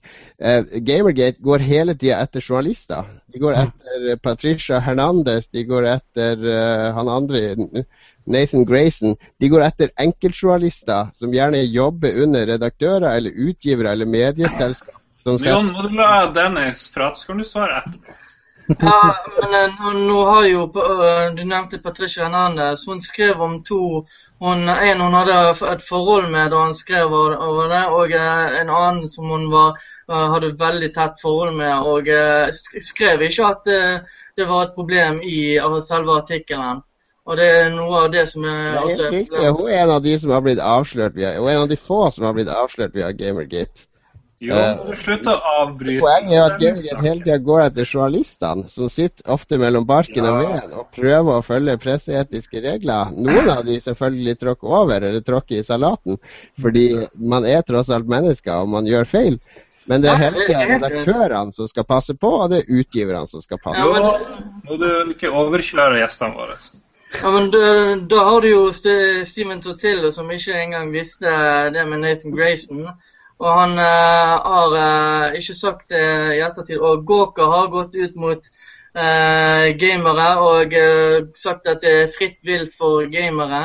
Så eh, at eh, det er bare journalister, det er ikke helt sant. Fordi Kotaku og Gawker har vært eh, ganske så Man, har oppdaget Nick Denton og eh, andre ting som ikke har vært helt ja, Nå er du igjen på det der med at dere er fornærma fordi at de, eh, de fornærmer deres identitet, Gawker f.eks. Ikke det at de blir smurt av, eh, av Electronic Arts eller, eh, eller Activision og sånne ting, eller at de blir lurt. La oss ta et annet eksempel. For eksempel på, på torsdag og fredag forrige uke så var det et par, eh, så vidt jeg har hørt, litt over 100 youtubere som Activision fløy til London for å se på Call of Duty, og så fikk de reise hjem alle sammen med Call of Duty i bagasjen sin, og fikk beskjed om at de gjerne måtte begynne å streame og lage videoer av det fra og med søndag. Det gjorde alle de, veldig mange av disse youtuberne. De lagde en hel haug med gratisreklame for Activision, som veldig få av de har, har sagt at de har faktisk fått det fra Activision. De var invitert av Activision, de hadde blitt flydd av Activision, de fikk hotell av Activision osv. Ja, altså, det er jeg helt enig i. at uh, Men det har også blitt avslørt med Shadow of Mordor uh, når Total Biscuit avslørte det. Så eh, det er jo ikke 100% bare at vi går etter eh, eh, journalister og sånt. Så, Nei, men det virker det er veldig rett av at rock Paper Shotgun, Polygon og noen utvalgte steder som har Og det er tilfeldigvis de samme stedene som har hatt disse artiklene om at gamers are dead. Uh, Det er jo en sammenheng her, er det ikke det? Konspirasjon. Det har vært, altså det har vært spørsmål eh, Inne på gruppa så har, eh, så har det vært diskutert youtubere også. Så det er flere som har blitt diskutert. Men for min del, eh, for min del så handler det egentlig mest om at jeg ønsker en mer åpen debatt hvor flere får, får slippe til. Eh, og det stopper egentlig der for meg. Så- så jeg Så alt du vil er å slippe til med artikler på, på nettsteder. Det er det Gamergate er for deg? Ja, altså, for min del så handler det handler om det. Leserinnlegg. Ja, fordi at jeg, jeg syns det, er en- jeg synes det er en viktig måte å drive, drive eh, spillbransjen framover på. Men så har det også vært Trenger vi en, en forbrukerbevegelse for å etablere eh, leserinnlegg på nettstedene? Kan vi ikke bare la gjestene våre få lov å prate ferdig? det er jo tankevekkere. Jo, men, men det, det, jeg, jeg syns det er helt greit at du stiller spørsmål. og det er litt sånn, Men det er det det har handla om for meg. Om man trenger om man trenger bevegelse eller ikke, det skal ikke jeg svare på. Det var det som gjorde at jeg ble engasjert. Og, jeg, jeg føl, og det var litt sånn her når jeg skrev den kronikken også. NRK ringte meg rett etterpå. VG ringte meg nettopp. Jeg har ikke lyst til å på en måte være en sånn slags talsperson for Gamergate i Norge. For jeg føler ikke at jeg representerer hele Gamergate. Jeg er én person, og jeg snakker for meg sjøl. men det er i hvert fall den frist- hm? Ja, da er vi tilbake der igjen. Det er Ja. ingen som vet hva dere står for. Nei, og Da kan dere ikke kreve å være eh, relevante i diskusjoner og bli invitert til debatter, så lenge dere bare dere opptrer som enkeltpersoner hele veien. Nei, men Knytter dere delvis til en bevegelse som, vi, som kanskje mener noe av det bevegelsen står for, eller kanskje ikke. Så en vet aldri hvem, en, hvem du er. Jo, men jeg forstår det, men poenget er at altså, for min del så øh, det, er litt, det er litt vanskelig å på en måte øh, samle tankene helt. Men, men det er det det har handla om for meg, og hva det har handla om for andre, det er, får være opp til dem. Men, men man trenger ikke å ha en bevegelse for å få til det. Um, og for min del så har det det jeg har Jeg har kasta meg på hashtagen for at det er da man når ut til flest folk. Det er jo det det handler om. sant? Det er jo fordi at grunnen til at det her har blitt så stort, er at, er at det er der samtalen foregår. Ja, Det er, det er en populær hashtag. Ja. Det er liksom Gamergate for deg? Det er en Og det- populær hashtag. Altså, det er en mulighet til å bli hørt, da. I, Ja, i, en, I en ellers i en, Der hvor man ellers vanligvis ikke har en stemme, sant? Um, kan du spørre, Når slutter Gamergate? Hva er liksom Når er man uh, Når er dere fornøyd, uh, og dere dropper hashtaggen Gamergate?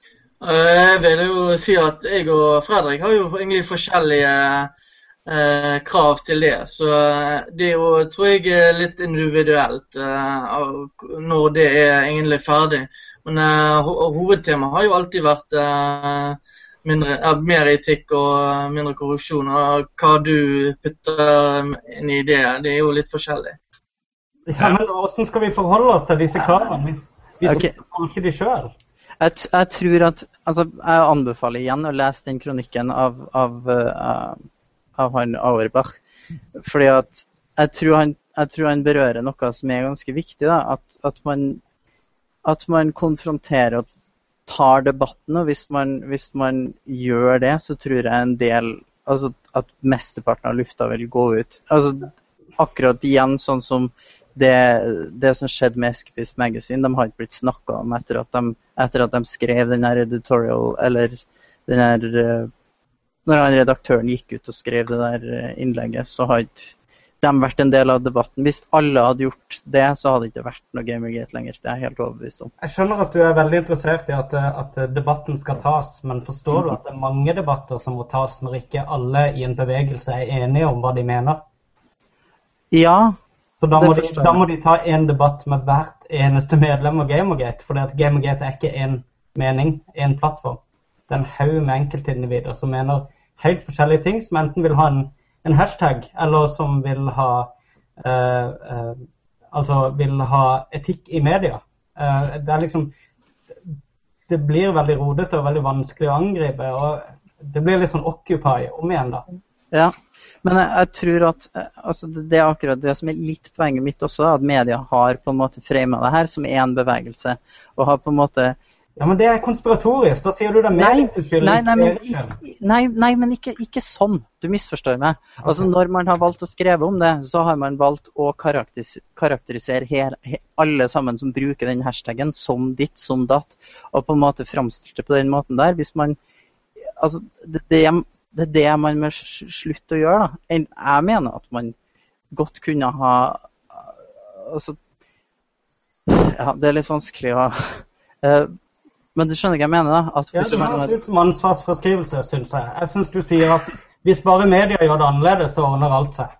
Du Nei, ansvar Jeg mener, jeg mener alle, alle er nødt til å ta et ansvar. At vi er nødt til å slutte å kaste og dele begge sidene. Hvis man skal Ja, det det er ingen som forsvarer skittkastinga, men dere har uansett havna i den uleia dere er i. Nei, men Jeg tror jeg skjønner hva du mener, Fredrik. Du, eh, du, mener, du sier korrekt, syns nå jeg, det, at hvis media omtaler Gamergate, så omtales det som en, en stor gruppe som er sprikende inni seg, hvis man jo i det hele tatt gidder å, å beskrive det med noe mer enn Gamergate. Eh, du mener at man skal eh, husker på at det er ikke noe ledelse i det hele tatt. mm, Tolker jeg det rett der, da? At det er en, en slags folkebevegelse at uten, uten ledelse. Og at man ikke kan Mer- tenke på Gamergate som én ting, liksom. Det er Jeg synes det er mer et fenomen. altså, jeg, jeg syns det er mer et fenomen enn det er en bevegelse, da, på en måte. Altså, det er noe som har oppstått fordi at folk er frustrert og irritert. Og det som er det jeg tror er den fornuftige måten til å prøve å få det til slutt, er å, er å prøve å finne ut hva det er som gjør at folk blir så sinte. Og det går ikke an å ikke an på en måte touche på det før du Før du Jeg vet ikke, jeg. Ja, eller, eller dere kan bare si hvorfor dere er så frustrerte og sinte. Jo, men, men det er det jeg tenker at det her er. Jeg, vet, jeg tror at det, grunnen til at det har fått sånn traction, er at det er veldig mange som har sittet med forskjellige frustrasjoner om en del ting, som føler seg feilrepresentert, og, og en masse ting. Og så dukker det opp noe som de føler på en måte representerer dem, og så kaster de seg på. Og så er det umulig å angripe det. Og, og jeg forstår veldig godt den frustrasjonen, men, men det man er nødt til altså det man er nødt til å Fordi at man mangler en stemme, sant. Og det man er nødt til å prøve å tenke over, er hva er det vi kan gjøre for, for, å, for å rydde opp i det. Og igjen, den, den artikkelen som jeg linka til, jeg anbefaler å lese den, for jeg tror den har veldig mange av svarene. Ja, men nå spør jeg jo deg, for det at nå står jo du som individuelt medlem av Gamergate og, og forklarer hva du tror må, må bli gjort. Og da, Du er tydeligvis enig med denne artikkelen, da? Uh, ja. ja. Og, og den, den, kaller også, den, kaller også, oss i Gamergate for nyttige idioter. Uh, ja, for det, det, er jo en del krefter som har kasta seg på og tatt en del av Gamergate til inntekt for ganske uh, greier også på et punkt, var det ikke det? Det er mye sånn breitbart og ja, altså, jeg, jeg, vil kalle Gamergate mer en samtale enn noe annet. Altså det er en samtale mellom folk som er frustrert. Uh, men jeg, jeg, tror du er inne på noe viktig, for du snakker om at, at Gamergate er først og fremst frustrasjon. Mm. Og det, det, er jeg enig i. Det var ikke det min beskrivelse i starten? At det er mange år med frustrasjon for å bli tilsidesatt eh, som gamere, som endelig får forløsning nå? Og Derfor er det masse sinne som, som prøver å komme seg ut på og jeg mener at veldig mye av det Gamergate angriper, er sykloner i fingerbøl. Det er så overdrivelse. Det er så overkill på, på ganske sånn detaljsaker. Da. men som blåses opp utover alle proporsjoner. Og det tror jeg har noe med dette her, denne frustrasjonen, som ikke har noe, ikke har noe mottaker. Så derfor så bare, eh, så bare retter du det mot ikke sant, idet du har et lite utløp, en liten ventil, så bare kjører en på for fullt. Og da får du da får du de der galningene på nettet som reagerer som de gjør. Eh, det er jo den her, eh, det her store trøkket du sier, Magnus, som kanskje ikke får noe utløp. Kunne mye av det her jeg vært unngått Jon Cato, hvis media var mer, gjorde litt mer sånn som oss da, og prøvde å, å komme Gamergate i tale i stedet for å banne hele tråder og banne noen fra å opprette noe som helst på veldig mange forum. og ikke snakke om eh, Gamergate eller med Gamergate. Jeg tror Vi snakka om det her når, når, Zoe, eller når Quinspiracy, eller hva de kalte det, uh, dukka opp først. Uh, det var da vi begynte å tulle litt med, med Gamergate her i Lolbu. Jeg husker godt den tida der, fordi uh, når den der bloggposten kom, og den tida etter, så, så begynte de første frustrasjonene å komme om hvorfor skriver ikke spillpressen om, om det her. Og det da, hvis vi først skal snakke om etikk i pressen altså hvis en eller annen uh, fyr, ekskjæreste til en eller annen kjent norsk dame, hadde skrevet en blogg om at hun lå med fem stykk, og ditt og datt, så hadde jo ingen norske medier skrevet om det basert på hans påstander. Det må jo være en sak som må bekreftes av flere kilder, og de må få det bekreftet fra henne osv. Pluss at det har så å si ingenting med, med spill å gjøre. Hva, hvem hun ligger med, bortsett fra en journalist da, som kan ha noe med presseetikk å gjøre. Men det, det, var en storm i et vannglass allerede da, og da var det vel sånn Jeg hadde ikke skrevet om det hvis jeg hadde vært redaktør i Game Reactor, fordi jeg hadde ikke sett på det som en sak, men jeg hadde kanskje prøvd å lage en sak der du kontakter han i Kotaku og ber om å få en kommentar fra han. Men hvis ikke han vil kommentere, så har du heller ingen sak. Altså, det, det, det, her handler om presseetikk, altså ekte presseetikk. Ikke, ikke sånn Gamergate-presseetikk der de skal ha objektive anmeldelser og alle mulige andre delusions av hva presseetikk egentlig er. Så det er en sak som var umulig for, for, seriøse medier å ta tak i, sånn som den var i utgangspunktet. Uh, og så ble det bare Det ble et snøras ikke sant, som ikke gikk an å stoppe etter hvert. Uh, og da var det egentlig for seint. Uh, og det som egentlig trigger alt, var jo selvfølgelig når Lia Alexander og, og den bloggen kom med og erklærte gamerkulturen for, for irrelevant, som jo var det de strengt tatt gjorde. Det ene da, da, var krigen ordentlig i gang. Så, mm. så jeg ser ikke hvordan de jeg ser ikke hvordan de skulle ha skrevet om det som de, de sinte opprinnelig ville at de skulle skrive om. Uh, det er, mye, det er mye Gamergate står for, Jon Cato, men som tidligere redaktør og kommentator med rimelig mye erfaring etter hvert, eh, du òg, Magnus, er Gamergate eh, som som navn er det allerede for seint for de å, å, nå igjennom på noe vis, med tanke på all bagasjen som navnet har i seg. Bør de finne et annet navn og, og dele seg opp i grupper, kanskje, og gjøre det på en annen måte? Jeg tror definitivt det. Jeg tror det beste vi kan gjøre, er å samle de som er på samme front. Og så kan noen kjempe for eh, eh transparent eh, spillpresse. Så kan noen eh, jobbe for eh, bedre tilgang i den offentlige spilldebatten. Og så kan noen kjempe mot feminist-naziene som Så på den måten så kan de dele det opp. De kan lage ordentlige bevegelser, som alle andre gjør. Og, og på den måten få en, ryddig og oversiktlig debatt hvor alle flagg, eller alle meninger er flagga. Og det, det, tror jeg er helt klart løsning. Det er, det som er gift forbundet med den hashtaggen, og så mye sinne og så mye frustrasjon, at det, at det, kommer alltid til å overskygge det gode budskapet. Jeg synes De som seriøst er opptatt av å få bedre presseetikk i spillpressen, de kunne lage et fond, og så kunne de delt ut stipender til uh, spilljournalister f.eks., som har gode saker de vil researche frem, som hjelper de gode spilljournalistene som kjemper for uh, å lage god, uavhengig spilljournalistikk Eh, som kan distansere seg fra, fra, utgivere og andre organer.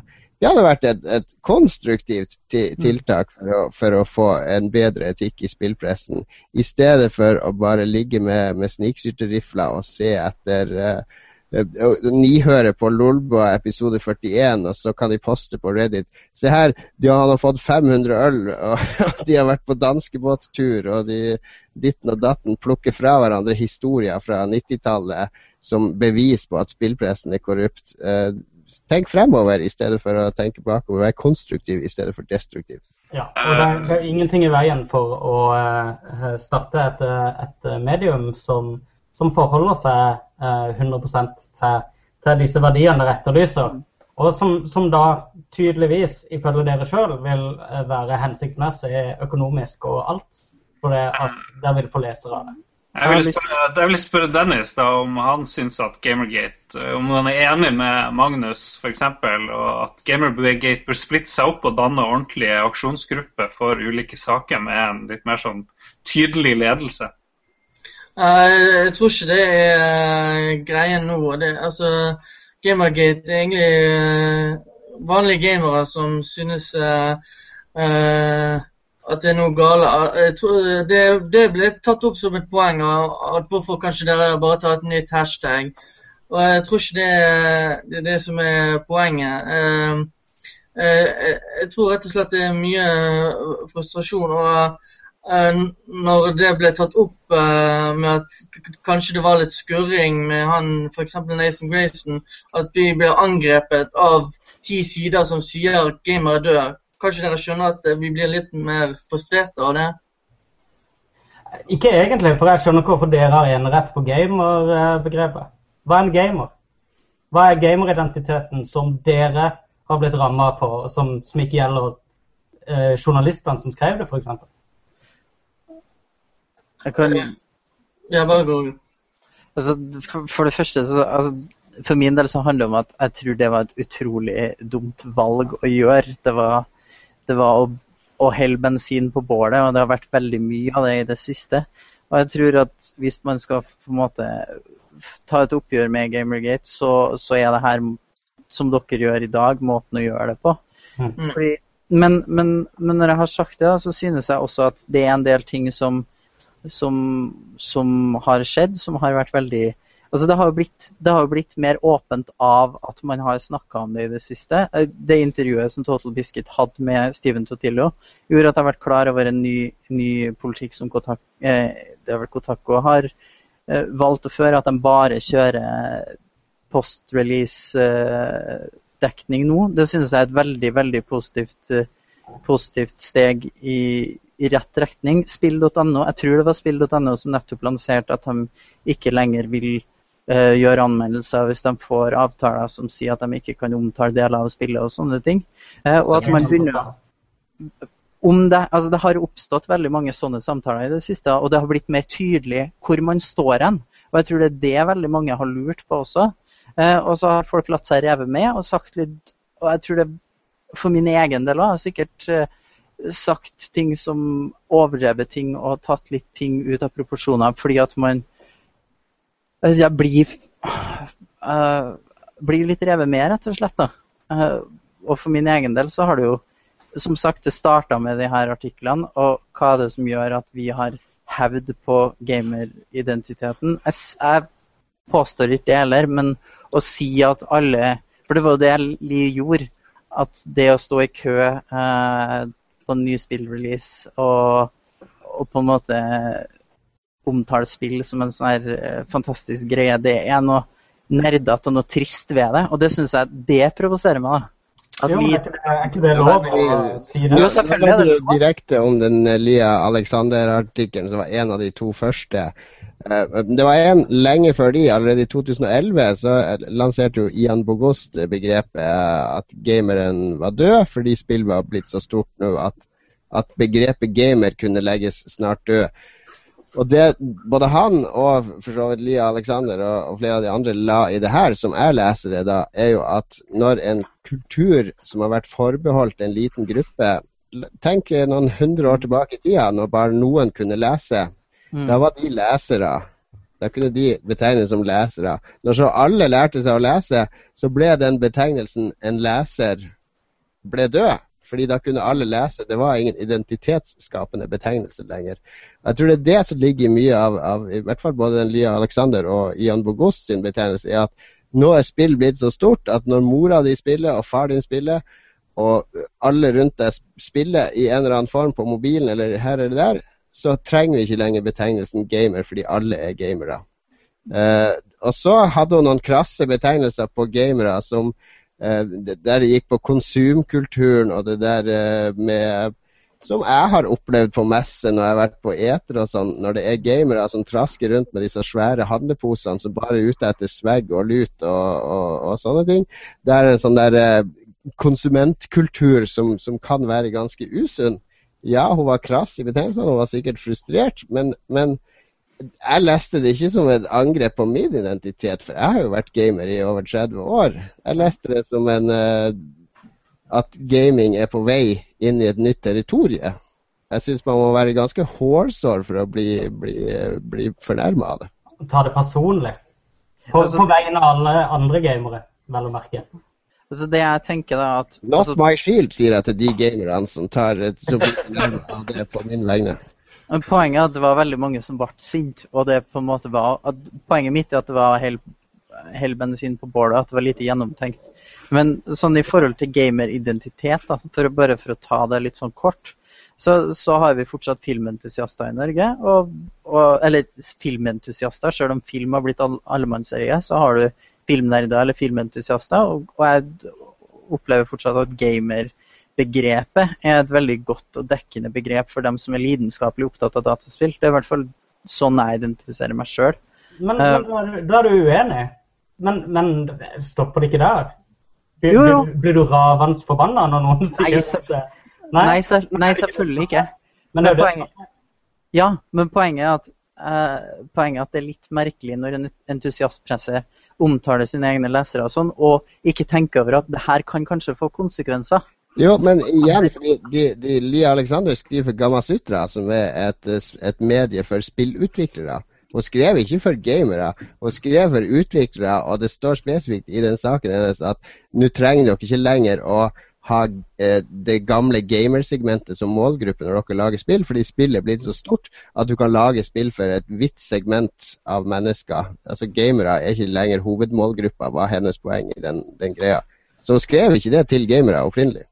Det er veldig vanskelig å si til en gruppe at de ikke skal bli fornærma av noe. Det må være opp til den gruppa å definere sjøl, tenker nå jeg. Her er det jo ikke en definert gruppe i utgangspunktet, det er jo også litt av problemet. Ja, det er nå en selverklært gruppe, og de må du få lov til Det er jo ikke som å si at, at, at, at, pakistanere er døde, fordi pakistanere er en definert gruppe. En gamer er en egenskapt identitet. Det var en dårlig sammenligning. Det er jo ikke noe felles, det ikke noe felles verdiplattform eller noen ting hos gamere. Det er et forbruksmønster som er likt hos dem. Og det er et forbruksmønster som er likt både hos media og, og lesere. Og, og, alle er vel enige om at alle gamere bør ha like mye rett til å snakke både stygt og pent om sin egen eh, da, eh, selverklærte identitet. Og jeg tror flere av disse journalistene som, som, snakker, som har snakka i deres øyne nedlatende om eh, gamerkultur, også på et eller annet punkt har definert seg selv som gamere, men, men har kanskje eh, tenkt litt videre på det. da, Og, og satt ting litt på spissen for å snakke om, om eh, eh, spillkultur etter at spillkultur har blitt allemannseie. Det er en interessant diskusjon som veldig mange bare stoppa i de der spissformuleringene og bare leste det som fanden leser Bibelen, og nekta å liksom ta til seg hva de egentlig prøvde å, å formulere. Eh, Nå begynner jeg å lure på om vi nærmer oss eh, Ja, Nå tror jeg det må avslutte. runde debatten. Får vi ha litt koseprat på slutten. Er dere enige med det? Ja da. Det blir bra. Jeg syns det har vært en fin eh, debatt, egentlig. Ja da. Koselig. Er det noe, er det før vi avslutter, er det noe vi ikke har sagt som uh, vi, vi vil ikke sensurere noen her i Lolbua. Er det noe dere vil legge til før vi går videre fra Gamergate? Jeg har lyst til å si én ting kort. Mm. Jeg synes, og jeg håper også at den debatten her har vist da, at egentlig så står ikke sidene så langt fra hverandre som det kanskje, man kanskje kan få uttrykk for. Eh, Men at, det, at hele greia, sånn som jeg ser på det, er en kommunikasjonssvikt. Ja. Ja, vil jeg også egentlig si det at eh, jeg tror hele greien er, ligger egentlig i at uh, folk vil ha en debatt og ikke bare ha enveiskjør. Jeg tror det er bare rett og slett det. At uh, det, vi prøver ikke bare true folk eh, for å ha andre meninger. ja.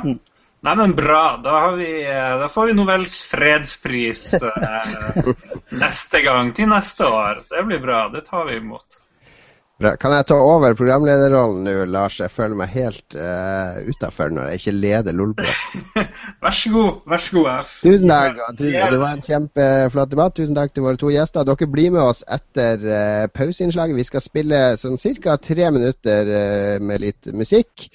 Eh, mens vi trekker pusten og drikker litt. og Man rekker også å løpe på do hvis man vil. Så har vi sånn ca. en halvtime igjen av sendinga, og da skal vi snakke litt om spill vi har spilt. Da kan vi dele litt ferske spilleopplevelser med hverandre, og så tar vi litt lytterspørsmål helt på slutten. Da spiller vi litt uh, remix av Megaman-musikk, og så snakkes vi igjen om eh, ja, tre minutter.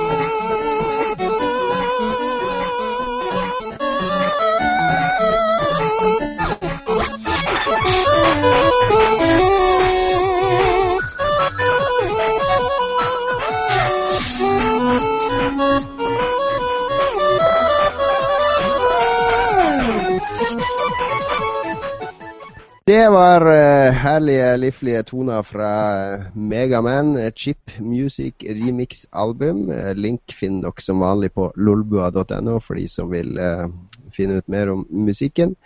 Vi er ferdig med debatten, og vi skal nå eh, debattere videre om hva som har vært de kuleste spillopplevelsene de siste uka. Nei da, det blir ikke noe debatt. Vi skal bare rett og slett dele litt eh, ferske spillopplevelser med hverandre. Og da kan jo kanskje Fredrik, du kan begynne, siden du er vår første gjest. Ja. Uh, har, har du spilt noe morsomt i det siste? Vet du, Jeg har spilt veldig lite den siste uka, uh, fordi at uh, Du kaller deg en gamer? Ja eksamen, vet du. Jeg, skriver, jeg skriver semesteroppgave om Minecraft, da. Jeg, Ja, men da Da kan du jo prate om det, kan du ikke det? Jo. Eh, jeg skrev også bacheloren min om Minecraft. Eh, om, eh, om hvorfor unge mennesker velger å bruke tida si på Minecraft. Og nå skal jeg skrive om identitetsuttrykk og, og sånne ting. og så har jeg spilt litt Arma med communityet mitt. Vi spiller hver fredag. Arma det er, det, det er sånn førstepersons uh, krigsspill som er ganske realistisk, er det ikke? Ja. Og når vi spiller, så er det ikke noe respawn. og Vi har en radiomod som gjør at når du er nært hverandre, så hører hverandre i 3D. Er du lenger unna, så må du bruke radio, f.eks. Ja, det er det spillet som egentlig ble sånn skikkelig kjent når den DayZ-moden som bygde på Arma-motoren eh, kom. Eller er det litt stygt å si? Eh, jo, men altså, det er jo sant. Men første spillet i serien var jo også det mest kjente. Eh, og dere er jo gamle nok til å ha spilt det. Operation Flashpoint. Oh, yes. eh, det, er samme, det er samme selskapet, det er samme motoren, og det er egentlig bare ja. Ja, var det ikke de som ble arrestert i Hellas når du tok bilder til, til Arma 3? Jo, det stemmer. Det husker jeg jo. De satt i det kult med, med Arma. Da. Det, det, det må spilles i multiplayer, det er sånn? Jeg syns det er da det er best, men det, Operation Flashpoint hadde jo en veldig bra singleplayer-bit. En av mine favorittspill. Men, eh, men, det er en egen opplevelse når du ligger har på en måte en trefning da, eh, og skyter på folk som er 300 meter unna. og da er det i motsetning til Battlefield og Call of Duty så handler det om hvor rask du er i reaksjonen eller hvor god du er til å skyte. Det handler mer om hvordan laget spiller sammen. Eh, og det gjør det litt, eh, litt, mer interessant for min del, i hvert fall. Er det her noe dere spiller på, på NTNU, da, eller? Jeg spiller med et internasjonalt community ja, okay. Fra rundt omkring i Europa. Har spilt sammen med det, den gjengen siden 2009, tenker jeg. Oi. En gang i uka. Mm. Det er kult. Uh, skal vi hoppe til uh, Magnus, kanskje? Ja. Uh, spør du om hva jeg har spilt i det siste? Er sikkert Heartstone. Hva sa Det er sikkert Heartstone. Det sier du alltid. det er jeg som har gjort sin Lolbua-research. Det er ikke dårlig. Det er, det er imponert over. Jeg har, jeg har spilt Heartstone, helt sant. Det er en ny sesong nå, vet du. Men um, jeg har vært ganske produktiv på spillefronten. Og Eh, kanskje ikke først og fremst med nye spill, det òg for så vidt. Men jeg har eh, frest over et par eh, gamle uh, spill som jeg gleder meg til å teste. Jeg har, um, uh, vi har snakket om dette før, om uh, Telltale-episodespillene og sykt dølt det er å vente tre måneder mellom hver episode for å få muligheten til å spille to timer. Ja, for du blir gjennom en hel sesong om gangen, helst du. Nettopp. Og nå har jo hele Walking Dead sesong to er jo ute for lengst. Ja, det er riktig. Den dukka opp på Xbox One her forleden, og da greip jeg sjansen. Så den eh, freste jeg gjennom på et par dager. Og jeg ble overraska, for jeg var egentlig dritlei av den Walking Dead-greia. Jeg merka da jeg begynte på sesong to igjen, eh, med en gang de slapp de første par episodene, så kjente jeg sånn Nei, nå er jeg litt lei av den der eh, triste atmosfæren og det der eh, veldig depressive temaet. Men sesong to er dritbra. Det, det, holder helt klart kvaliteten til eneren. Bare at de har gjort valgene dine mye mer markante og mye kjipere. Eh, det samme herlige stemninga med at uansett hva du velger, så går det galt, og alle du liker, skal dø. Men utrolig underholdende og et veldig interessant spill. Og, jeg, har, jeg har bare spilt gjennom halve, og tja, jeg er ikke helt uh Nei, men Det løfter seg på et punkt. I, eh, det er vel i episode tre ca. At det bare gjør et sånn her kvantesprang, og så er det Er det der de går opp slalåmbakken? Riktig. Det er vel Jeg tror det er episode tre. Ja, det, det er spilt til, til den. Ja. Spoilers. uh, ja. Uh, det er slalåmbakker i uh, Walking Dead sesong to, folkens. Det er zombiene kjører slalåm ned, altså. så skal du ikke det? Eh, det er sånn actionsekvens der du må liksom slå til høyre og venstre med sånn Um, ja, jeg har spilt det, og så har jeg spilt eh, Valiant Hearts, som eh, strengt tatt eh, alle jeg kjenner har runda, uh, unntatt meg. Ja, det er det første verdenskrigsspillet fra Ubisoft som jeg trodde bare skulle bli en sånn rask cash-in på 100-årsmarkeringa til første verdenskrig, men som egentlig var et veldig hyggelig litt sånn plattformeventyrspill. For, for en sympatisk måte å fortelle en historie på. Det slo meg bare hele tida. Jeg, liker disse folka som har lagd dette spillet. Jeg liker de skikkelig godt. De, de, er, de forteller grusomme ting på en veldig trist måte, og de forteller eh, som små lysglimt men veldig, på en veldig sånn varm måte. Jeg, jeg liker de, rett og slett. Uh, Hearts er, er helt til slutten, da. Uh, og det er veldig lett. Det er ikke, det er ikke et vanskelig spill, men, men de forteller en historie. De klarer å formidle en historie uh, ved hjelp av veldig få ord og, og mye tegn og Ja, utrolig fin strek i den grafikken. Ja, det Utrolig fine karakteristikker på de figurene. og Ja, det, er- det er kjempepent, og du, du liker eh, karakterene helt fra starten av. Altså, du skjønner de, Det er veldig mye som formidles med en veldig enkel strek ja, og en veldig enkel fortellerstil. Og så lærte jeg ganske mye om første verdenskrig òg. Eller lærte om Ja. alle de taxiene som kjørte soldater til fronten og, og sånne ting. Det var ganske, ganske mye sånn artig sånne småplukk fra historien som de presenterer i det spillet.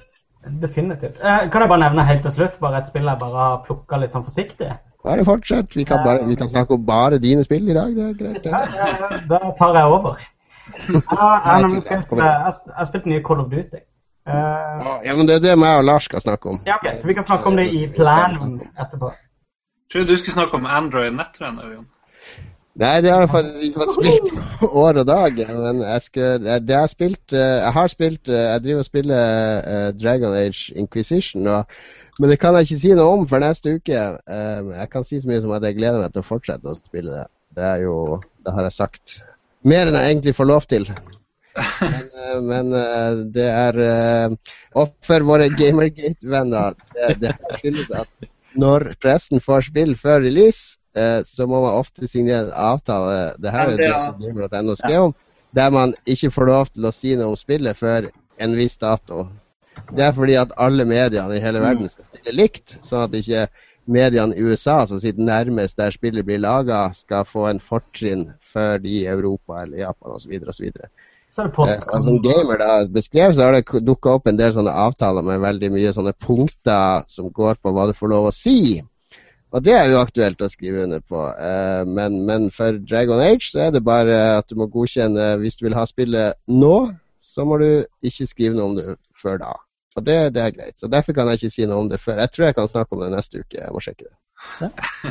Bare, bare det at du sier det der, er en veldig fin greie. Men det er, det er helt vanlig. Alle store titler, så undertegner man eller godkjenner en del. Ja. Også jo, men det er jo klar over. Men det, film, film, filmkritikere de må også signere sånne når de går på pressevisning ofte. ja, Eh, selvfølgelig.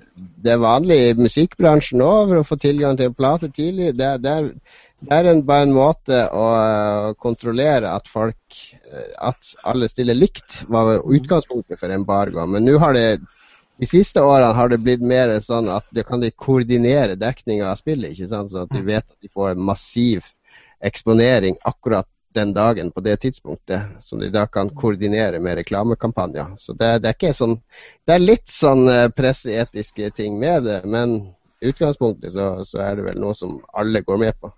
Mm. Ja. ja. Sorry. Men det var, det var det vi kan snakke om neste uke. Ja. kan jeg ikke snakke om det nå, men det jeg har spilt masse, masse, er jo Call of Duty, og det har du òg, Lars. Ja, jeg har ikke spilt det sinnssykt masse, men tre-fire timer av singleplayer. Og jeg ble vel lei etter kanskje ti minutter, for å hoppe rett til uh, konklusjonen din. da. Jeg syns det så så stygt ut. Jeg synes Det var liksom ingen respons på Har våpen. du, har du spilt det på PS3, er det det? Nei, jeg spilte på PS4, men jeg lurer på om jeg har fått en PS3-versjon.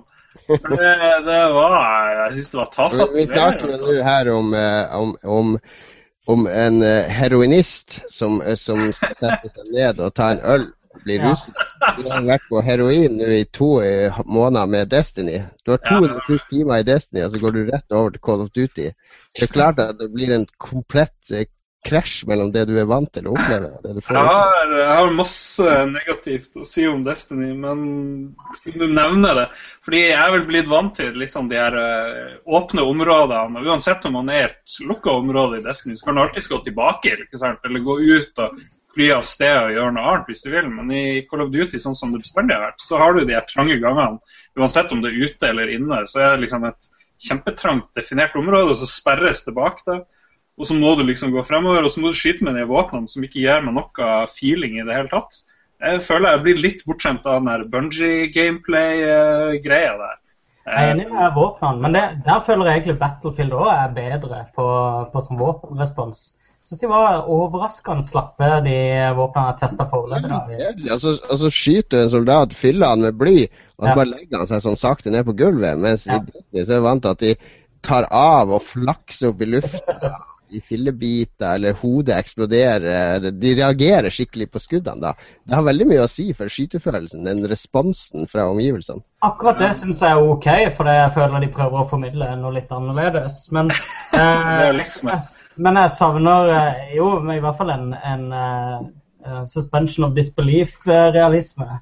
Uh, men men jeg savner litt sånn AI, egentlig. Nå har jeg spilt det på vanlig vanskelighetsgrad osv. Men for det, det ble du veldig bortskjemt på veldig kjapt i, eh, i Destiny, nemlig at fienden er veldig flinke til De er veldig mobile, løper rundt fra prøver å flanke deg osv. Som er veldig mye gøyere enn å bare skyte på soldater som står stille og skyter inniblant og går i dekning inniblant. Er det noen av våre gjester som har eh, spilt uh, det nye Cod of Duty? Nei. Nei. Nei. Jeg er ikke noe fan av COD. Heller ikke stor fan av Battlefield. Det er helt bra, det. det er Men du er jo Arma-spiller, så da er du jo eh, Ja. har du jo Arma all the way. Det er jo ingen, ingen overlap mellom Arma og Battlefield. Cod og Battlefield der oppe fra Arma-hesten sin. Ja. Ja, Vi spiller Battlefield eh, sammen av og til også, men det, det er ikke den samme lidenskapen, kan man si. Men jeg kan si det med den eh, jetpacken i eh, Call of Duty. Det der dobbelthoppet, det likte jeg godt. Det der litt sånn kjappe joltet som du får. Det er ganske bra, men det jukser veldig. Du, du trenger ikke være presis i det hele tatt. Du lander der, der spillet vil at du skal lande, liksom. Jeg liker det sånn at du rykker til litt, at du er litt ute av kontroll akkurat idet du liksom tar det andre hoppet. Uh, jeg føler i, i både Destiny og Titanfall så har jeg mye mer kontroll i det andre hoppet mitt. Men her så er det liksom du, du er litt sånn usikker akkurat i det. Du får, får litt, følelser. Sånn vil jeg tro det ville Jeg være. har spilt gjennom det. Jeg, jeg, jeg syns egentlig singleplayeren var ganske bra.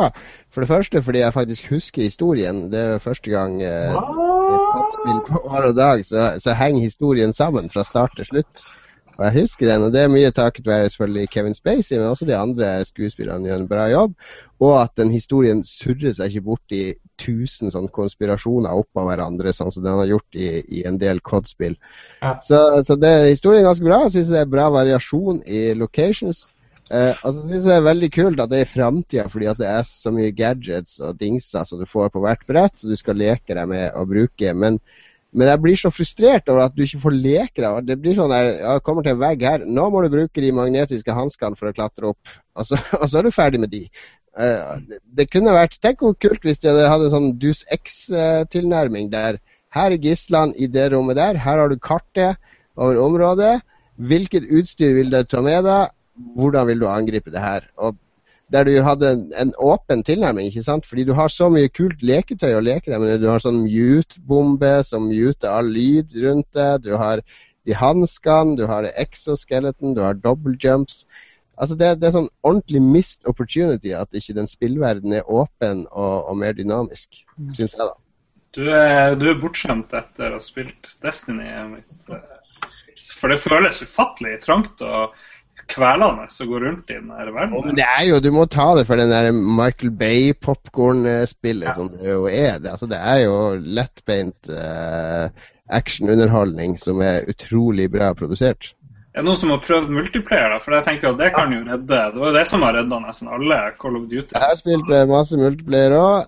Det er Jeg har alltid hatt problemer med Call of Duty-multiplayeren fordi at den er så utrolig kjapp. Altså det, du, du har aldri noen steder Det er aldri tid til å legge noen strategi eller taktikk. Det er sånn umiddelbar reaksjon på situasjonen der og da. Og jeg er jo gammel mann, jeg er over 40 år, så jeg klarer jo ikke å henge med eh, de 14-åringene som, som, er dobbelt så raske som meg. Så så jeg har hatt problemer med den. Men den er faktisk den er enda kjappere nå, fordi at du har jo det dobbelthoppet i multiplayer nå. Så når det står Og det er jo aldri noe sted der du kan stå trygt. Det er alltid to eller tre innganger til uansett hvor du er. Men nå er det i tillegg så må du også passe på over deg, fordi plutselig så kan de komme hoppende opp på den der containeren som står foran deg, og stå over deg og skyte deg. Så jeg blir drept hele tida. Men den er tight laga, utrolig kjapp og, og fin, og, men den er jeg syns faktisk at Destiny Crucible er morsommere, men det er kanskje fordi jeg har spilt så mye Crucible der. Jeg, jeg har testa Coop-en i tillegg på spillet. Jeg vet ikke om dere har vært borti den? Nei. Um, som er en litt sånn uh, uh, En slags uh, horde mode, kan du si.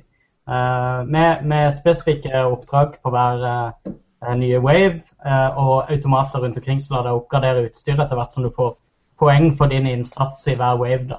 Det har vært en veldig kul modus i flere, flere Call of Duty.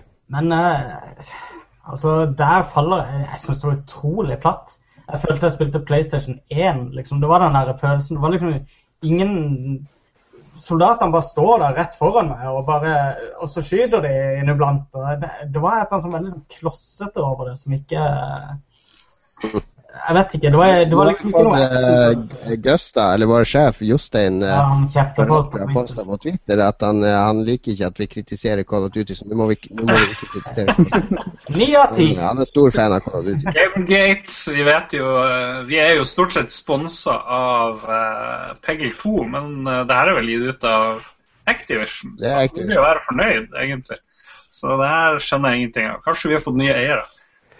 Men, ja, ja. Dennis igjen, da. Hva har du uh, spilt i det siste, Dennis? Jeg hopper egentlig fra spill til spill, men altså jeg uh, spiller litt Crisis 3 nå. Uh, på tide jeg kanskje spiller det. Så prøver å komme gjennom uh, singleplayer. Og så spiller jeg Drive Club og Destiny på PlayStation 4. Ja Riktig. Går det an å spille Drive Club nå? Det var jo store problemer i en periode. Altså, det er sånn bob-bob. Av og til så uh, funker det helt fint. Og når jeg prøvde sist gang nå, så bare ble jeg uh, disconnected hver gang.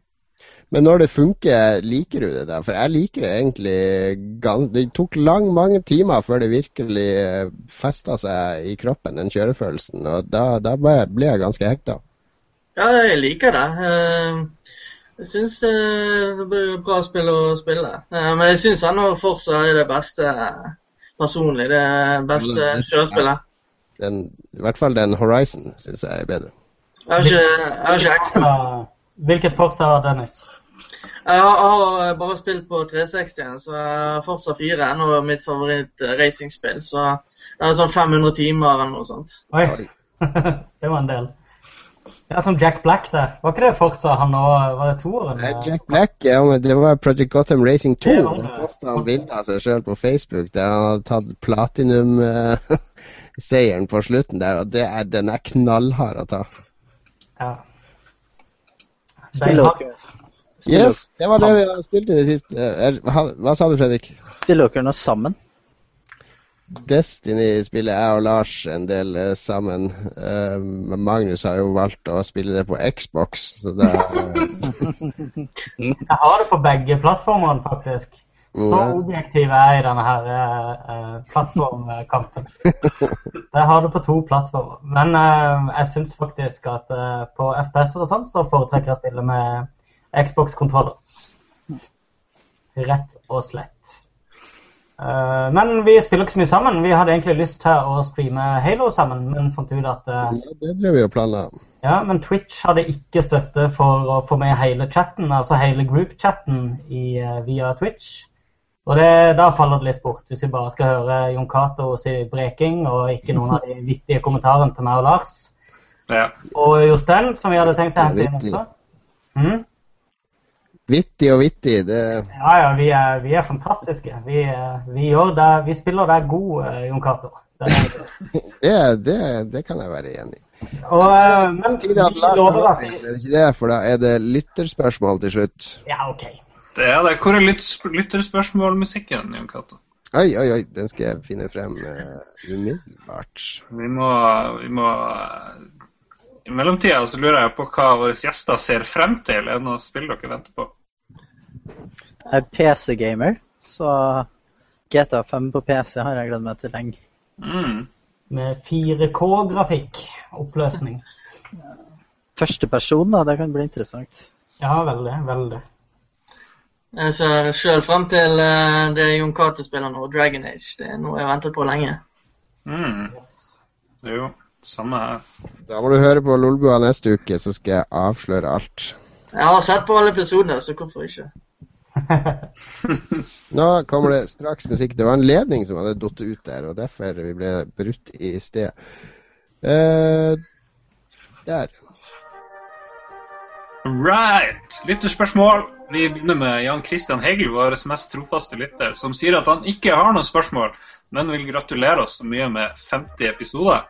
Det er, det er like bra. Det er like bra som et kjapt spørsmål. Stå på, gutter, sier han.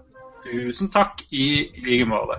Vi må ha, vi må ha eh, Jan Christian snart uh, igjen. Han er jo Xbox-man. Tror dere kanskje han kan si noe om uh, Halo Master Chief Collection? Det var jo en idé. Det er sikkert han som gjest før jul igjen, ja.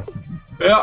Eh, Anders Tendenes, som vi har spilt mye Destiny med, lurer på kommer vi til å investere like mye tid i The Division som vi har gjort i Destiny. Det er vanskelig å si. Jeg har ikke peiling. Det går nok noen timer på det, men eh, jeg tror jeg må finne noe annet å bruke eh, samme aktivitetsnivå eh, som i Destiny på, tror jeg.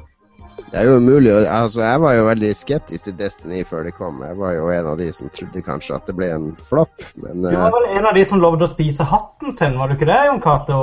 Hvis jeg jeg har spist hatten min. Kan få låne min. Ja, der kan du se. det er bra. Eh, ja, for lite hatt i denne episoden. Uh, Ja, det var litt Hva med Dennis og Fredrik? Ser, som PC-gamere så må vel dere se fram til uh, Eller du er, du er PC-gamer, Fredrik. Se fram til The Division. Jeg har faktisk ikke fått lest så mye om det ennå. Så jeg har hørt mye snakk om det, men jeg har vært fanga i eksamensbobla i ganske Ja. lang tid nå. så dessverre. Jeg vet ikke. Kanskje. Eh, jeg vet ikke helt. Jeg vet egentlig for lite om uh, hvordan uh, online-delen funker, men det ser lovende ut. Så, men det er uvisst akkurat nå. Ja, nei, Det er umulig å svare på, men jeg tror jeg kan allerede si jeg kommer ikke til å bruke like mye tid på noe som helst spill som jeg har brukt på, på Destiny. Det går ikke an. Det er fysisk umulig. Eh, skal vi se, så har vi ja, Nå fikk jeg ikke med meg hvem som sendte den tweeten, men han sier han, eller hun er skuffa over at vi gir Gamergate mer oppmerksomhet enn hashtagen fortjener. Og ja, ja, nettopp. Men eh, hvorfor ikke? Hva er Hvorfor ikke diskutere det, liksom? Hvor mye oppmerksomhet fortjener en hashtag? Ja, Det er mange, mange filosofiske vinklinger på dette. her. ja.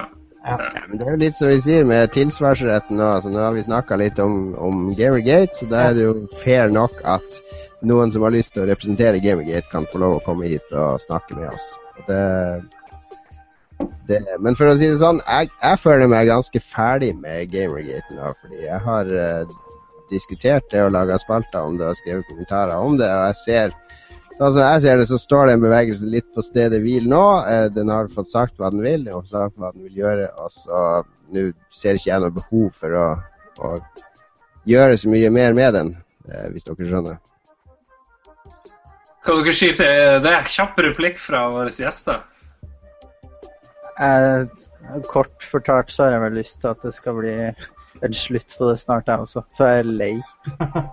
Men Ja, det blir vel samme på meg også. så Jo fortere jeg egentlig blir ferdig, så er jeg også egentlig fornøyd. Så. Ja.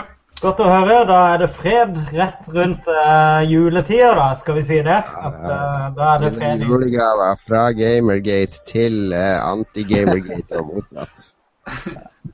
Da er det julegate. Da blir det julegluggate. Da må du bare bli klar. prat uh, i noe som egentlig er veldig morsomt og hyggelig. Ja. Og jeg tror, og det var det jeg sa i stad også, jeg tror at det, vi er mer enige enn vi tør å tro. Og så blir det utrivelig. Eh, og her har vi òg klart å fjerne hvem det var fra. Herregud, Det er sånn, eh, hvem er sosiale medieansvarlig her som ikke klarer det? hvem er den her idioten? Skal vi se.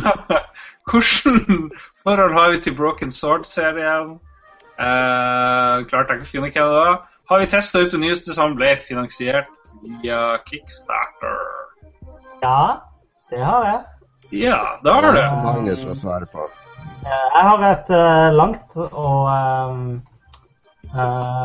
trofast forhold til Broken Sword-serien. Helt tilbake til 90-tallet, der de opprinnelige pek og klikk-spillene kom fra Revolution. Um, jeg har også spilt det nye uh, på iPad. Nå, nå kom jo uh, episode to kom vel først var det forrige måned eller noe. Det har bare vært forsinka, forsinka, forsinka. Så hadde basically glemt historien. Da, eh, for den skulle egentlig komme kort tid etter eh, episode én. Nå er det episode to, og jeg har spilt sånn jeg vet ikke, halvtime inn i det, eller noe sånt, og jeg har liksom glemt hva som har skjedd. Jeg er ikke så interessert lenger, merker jeg. Det er litt sånn tiltak å sette seg inn i hele historien.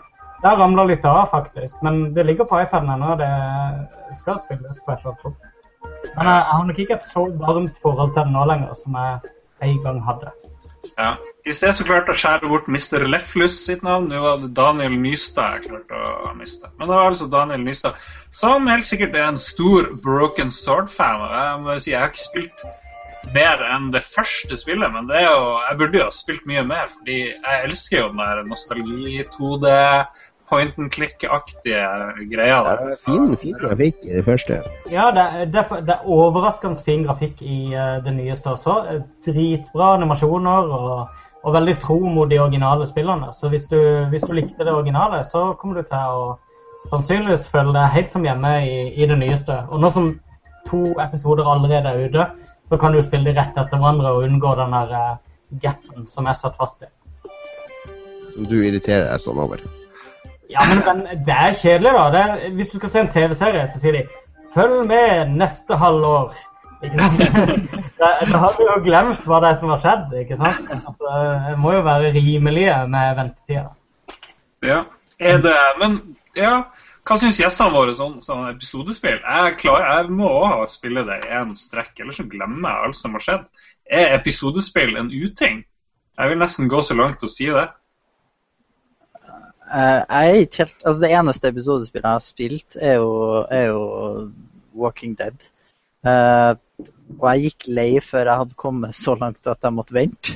Så det er litt vanskelig å Ja. uttale seg. Men som på generelt grunnlag så er jeg litt enig med deg. Ja, jeg, jeg har jo spilt eh, nesten Ja, jeg har spilt Back to the Future og Wolf Among Us og Walking Dead, så Jeg liker de, men eh, jeg liker ikke ventetiden, som du sier. Jeg prøver å vente til de har kommet ut. Eh, en ting som var utrolig dølt med eh, Walking Dead sesong to, var at eh, det var en sånn obligatorisk eh, 'coming up next' sånn i neste episode. Ja. Yeah. Og de lanserte hele sesongen. Den lanserte de i én bolk. Du får ikke kjøpt det episodevis engang på Xbox og PS4 på de nye konsollene. Så du er, du er nødt, idet du er ferdig med en episode, så er du nødt til å se et sånn her eh, tre minutters sammendrag av de neste tre timene. Uh, og så en tvunget hel melodi mens rulleteksten går, som du ikke kan klikke deg vekk fra. Uh, Episodic gaming is dead. Jeg slår det fast allerede nå. oi, oi, oi, må være forsiktig her. Nei, det, det, det funker jo kjempefint i Drømmefall. Det er, Ja. Jeg skal akkurat nevne den. Drømmefall er jo ute. Ja, og, og episodeformatet er helt fett, syns jeg. Um, så lenge de klarer å tilby nok innhold til at du har det friskt i minnet når neste episode kommer. Eh, eller at de klarer å avrunde historien, sånn at det blir sånn små, små enkeltvis historier. Som selvfølgelig med en litt sånn større rød linje som binder de sammen. Men at du føler at du fullfører noe når du er ferdig med en episode, da syns jeg det er greit.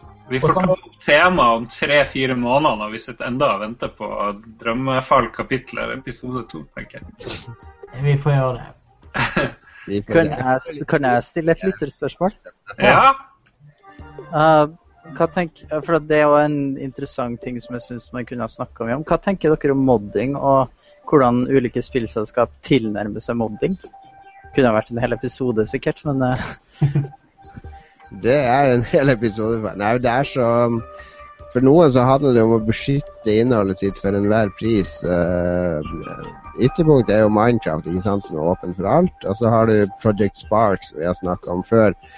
Som er Microsoft sin, uh, sitt spillskaperverktøy, der du må kjøpe alt innhold. Og, Det er jo også Minecraft. og du kan ikke eksportere det sjøl, du kan bare spille det innenfor rammene til mm.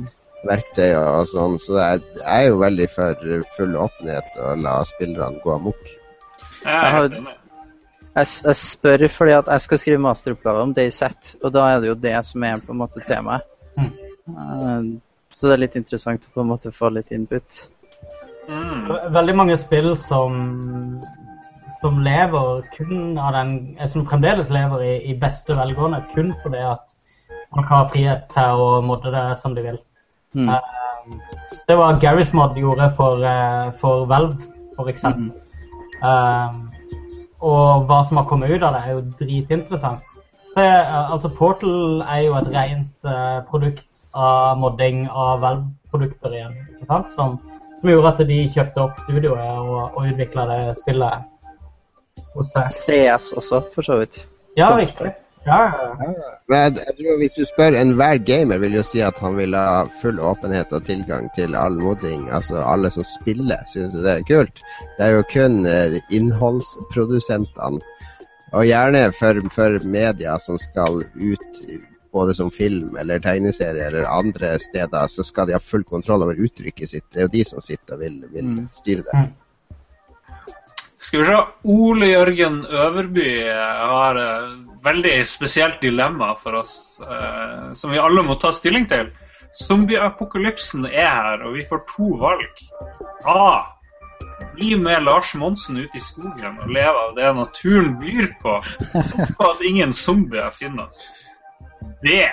Bli med en gruppe FSK-soldater som har tatt over en militærbase der du har sikkerhetsstrøm, moderne fasiliteter og til og med et par gamingkonsoller.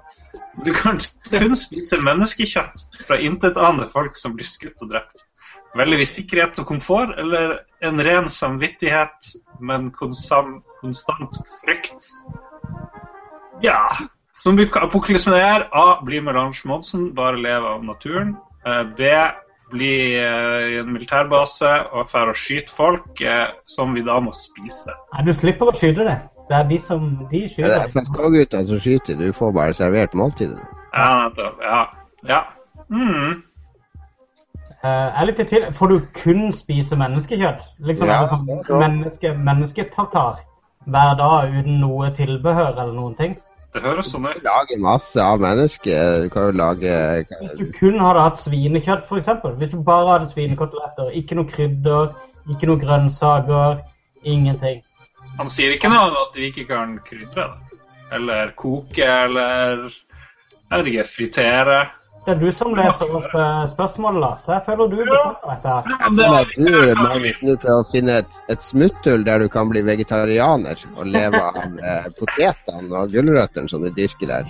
Vet du hva, Jeg skal ikke lyve på meg at jeg var så smart akkurat nå. Jeg var, jeg var mer interessert i, i hvis jeg måtte spise menneskekjøtt resten av livet mitt, hva, hvordan jeg i så fall kunne tilberette det. For det er en faktor. føler jeg. Hvor, mange grader på soviden skal du ha menneskekjøtt?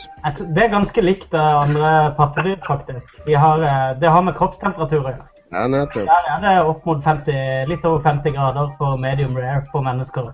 Ok, Vi har to valg. Eh, trygghet å spise menneskekjøtt, eller utrygghet å leve av naturen med ren samvittighet.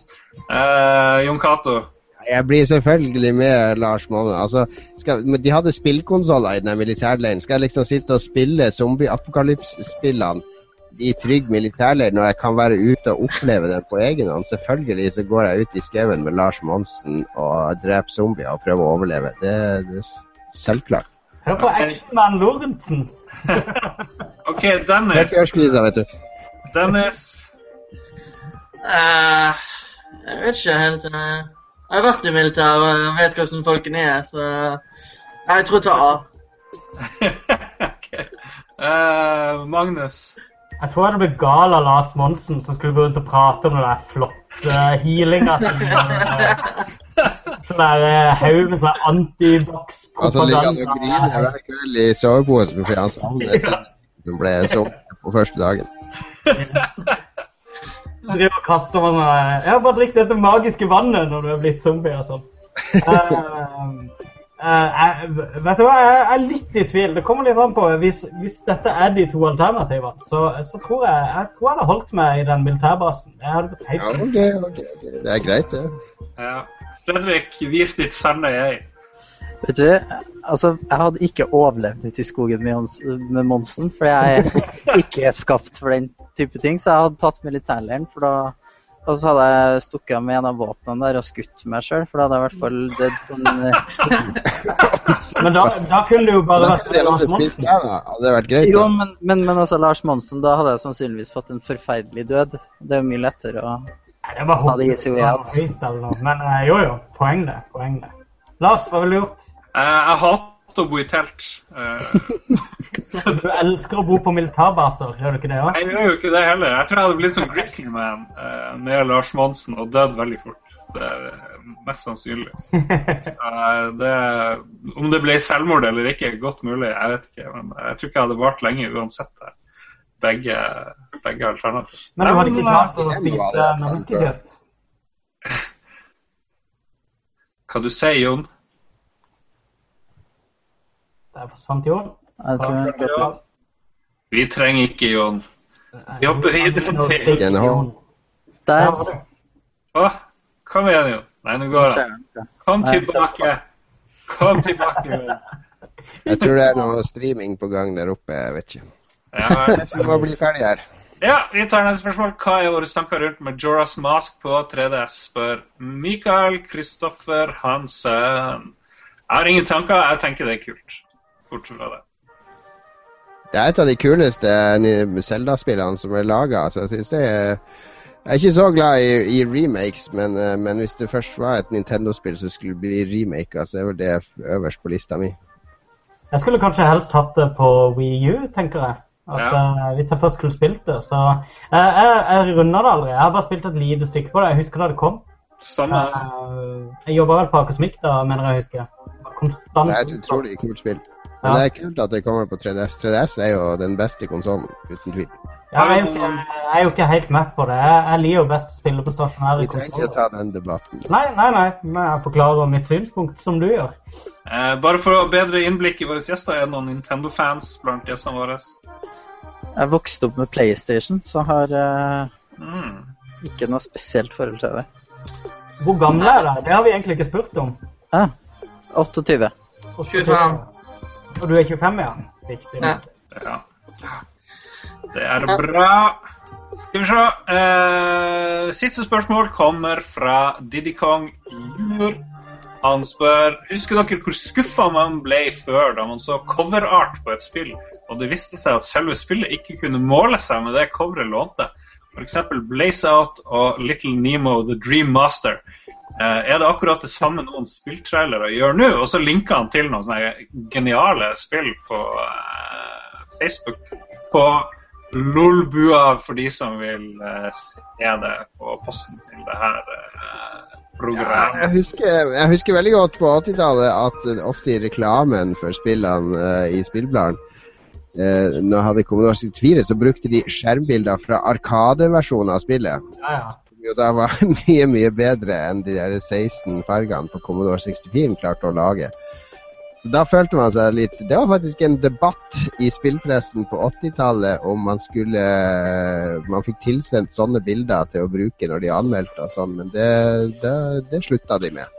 De kjørte jo, eh, sånn de kjørte jo PC-screenshots ganske lenge òg på, eh, på konsoller, hvis spillet kom på begge deler. Ja, men det er jo det er ikke en sånn stor debatt nå, da, men veldig mange anmeldelser nå bruker jo uh, skjermbilder som de får fra spillprodusentene, som gjerne har en oppløsning på sånn der 3000 ganger 1800 eller et eller annet. Som jo ikke er mulig å oppnå i spillet når det er et PS4-spill f.eks. Så det, det, er flere medier som, som burde bruke egne skjermbilder, syns jeg. Ja. Men eh, eh, hvis, eh, hvis, vi skal snakke om sånn type cover som han viser seg til her, så er det jo tegninger. og i hvert fall vi i Lolbua husker jo veldig godt uh, den tida da spill basically var en tre-fire firkanter som beveget seg rundt på skjermen. Uansett hva du kjøpte, så å si. Uh, og da så alle coveret sånn ut. Så det, det var liksom jeg, jeg, følte i hvert fall at det der uh, at det var en viss sånn der forståelse om at OK, det er denne personen jeg skal late som om de pikslene ja, skal. Ja, så det, du fikk liksom litt hjelp til til fantasien da, med, med, disse coverene. Men du var jo innforstått med at det, det er ikke i nærheten, liksom. Men vi hadde jo, vi jo spillquiz med Magnus denne uka på, på Tilt i Oslo. Vi har, for dere som ikke vet, hver måned så har vi en, en quiz om dataspill eh, på et utsted som heter Tilt. Og den har blitt eh, veldig populær nå i høst. Eh, vi har vel hatt sånn rundt 40-50 deltakere sånn jevnt siden det starta opp for tre år siden. Men i høst så har vi vært oppe i sånn 80-90, så det har blitt så stort nå at vi måtte flytte inn i nabolokalet til Tilt. Men der hadde vi jo en oppgave, Magnus, der vi hadde bilde av tre spillhelter fra coverne deres. Og Der de ikke helt ligna på sånn som de egentlig så ut i spillet. F.eks. Eh, Bomberman, som jo så akkurat ut som Samus Aran fra Metroid. Ja, er, men eh, altså spillcoveret fra 80-tallet og 90-tallet for så vidt er jo hysteriske, mange av dem. Eh, det er veldig kjente Megaman-coveret. Eh, hva er det, er det Megaman 1 eller 2? Ja, jeg kan bare tenke meg prosessen rundt at de coverene ble laga. De ringer til en, til en, illustratør eller noe sånt. Du, kan du lage cover til et spill som heter Bomberman? Spør, ja, ja, hva slags cover skal det være? Det handler om noen karer som løper rundt og kaster bomber, og så har de sånn rød og blå og hvit drakt. Altså, det, det, jeg tror det er det han hadde å gå på, han kunstneren. Og så bare finner han et eller annet. Jeg la jo ut for, så, ja, for noen måneder siden, det var kanskje i sommer, så delte jeg med dere en link til en sånn coverartist som nylig la ut hele, um, hele utvalget av covere han hadde tegna opp gjennom tidene. Uh, og han begynte sånn tidlig tidlig på 80-tallet med å designe spillcovere.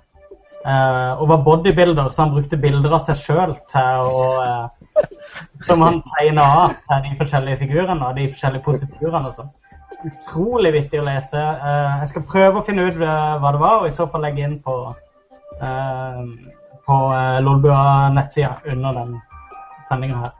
Jeg holdt på å gjøre en ekte Gamergate-skandale. Jeg sa at det var på Facebook, det var på lolbua.no. Han la ut Eh, bilde av Blazeout. Men jeg husker jo sjøl når jeg så på spillcover bakpå, gjerne med screenshot, så var det kanskje fra en helt annen versjon enn det du kjøpte spillet. Ja, ja, ja, nettopp. Det var jo kanskje verre, fordi frontcoveren var jo bare awesome, men det var jo bakpå du tenkte oi, spillet ser så ut så var det fra en sånn helt Det var ikke Commodore 64-versjonen, liksom. Ja, det var det vi snakka om innledningsvis. Ja, ja. Så det var jo liksom min skuffelse, husker jeg da jeg var liten. Og jeg lærte det, det, var ett spill, et spill på 80-tallet som så akkurat likt ut som, eh, som arten på spilleautomaten, og det var Dragons Lair. Det var, det, det, for det var jo en, en, tegnefilm som de styrte, men det var jo til gjengjeld spillet helt ræva når det endelig så like bra ut som coveret. Og der hadde jeg mye goodwill for å spille det spillet der. Altså. Alle vil jo elske det. Det så så bra ut. ja vel. Da er vi uh, Da er vi ved veis ende på spørsmål. Vi er det. Og på sending, vel? Og på sending. Det siste vi kan gjøre, det er å gi en liten bonus hvis noen vil ha betakode til uh, The Crew på uh, Xbox Uno tror jeg det blir. Skal vi se, bare for å være sikker. Men den kommer her, da. Eh, KYY 3YQC6TY 364DR XKYJR 7R7XZ. Eh, det var så mange tall at det må være Xbox, er det ikke det? Jo, det er Xbox. Ja. Så det er jo bare å spole tilbake og punche den inn så fort du kan for å spille The Crew. Det kom fra Sten Tony Hansen, som er en uh, gamer, ikke dude fra verken det ene eller det andre. All right. Da er vi ferdig for i dag. Det har vært en uh, artig 50. episode. Vi har hatt en uh, konstruktiv debatt, vil jeg si. Tusen takk til våre gjester Fredrik og Dennis for at dere stilte opp. Uh, er dere fornøyd med å være gjest i Lolbua? Ja. Det var, det var gøy. Og så glemte jeg å si gratulerer med dagen. og takk for at dere Takk for at dere stilte opp. Veldig bra. Det var jo sånn nylig en greie om at folk fra Gamergate ikke måtte stille opp f.eks. i ulike medier borte i USA fordi de ville bli latterliggjort. Jeg tror det var på Husker hvor det var? Det var vel etter oss. Daily Show, tror jeg. Daily Show, ja. ja. Ja. Så vi er, vi er, jo enda verre enn Daily Show, så jeg skjønner ikke ja, da, Det er utrolig hva vi kan få til etterpå når vi skal klippe podkasten. det, det, det var Colbert Report faktisk. Nei, det, var, det, var, der de var med, og så vil noen ha dem med i Daily Show. Ja, ja. Ja, ja, ja. ja, ja. Vi er i hvert fall ferdig for i dag. Vi er, neste uke så skal vi vel snakke litt om uh, Spillekspo som har vært. Og vi skal snakke litt om noen nye spill. Det renner inn med spill uh, nå om dagen, så det er nok å snakke om. Vi høres i hvert fall igjen neste uke. Følg oss på Twitter, et lolbua. Følg oss på Facebook, lolbua, og selvfølgelig på lolbua.no. Har vi noe mer å legge til da? Nei Party on, Wayne. Party on. Vi høres neste uke. Ha det bra. Ha det. Ha det. Har du et enkeltpersonforetak eller en liten bedrift? Da er du sikkert lei av å høre meg snakke om hvor enkelt det er med kvitteringer og bilag i fiken, så vi eh, gir oss her, vi. Fordi vi liker enkelt.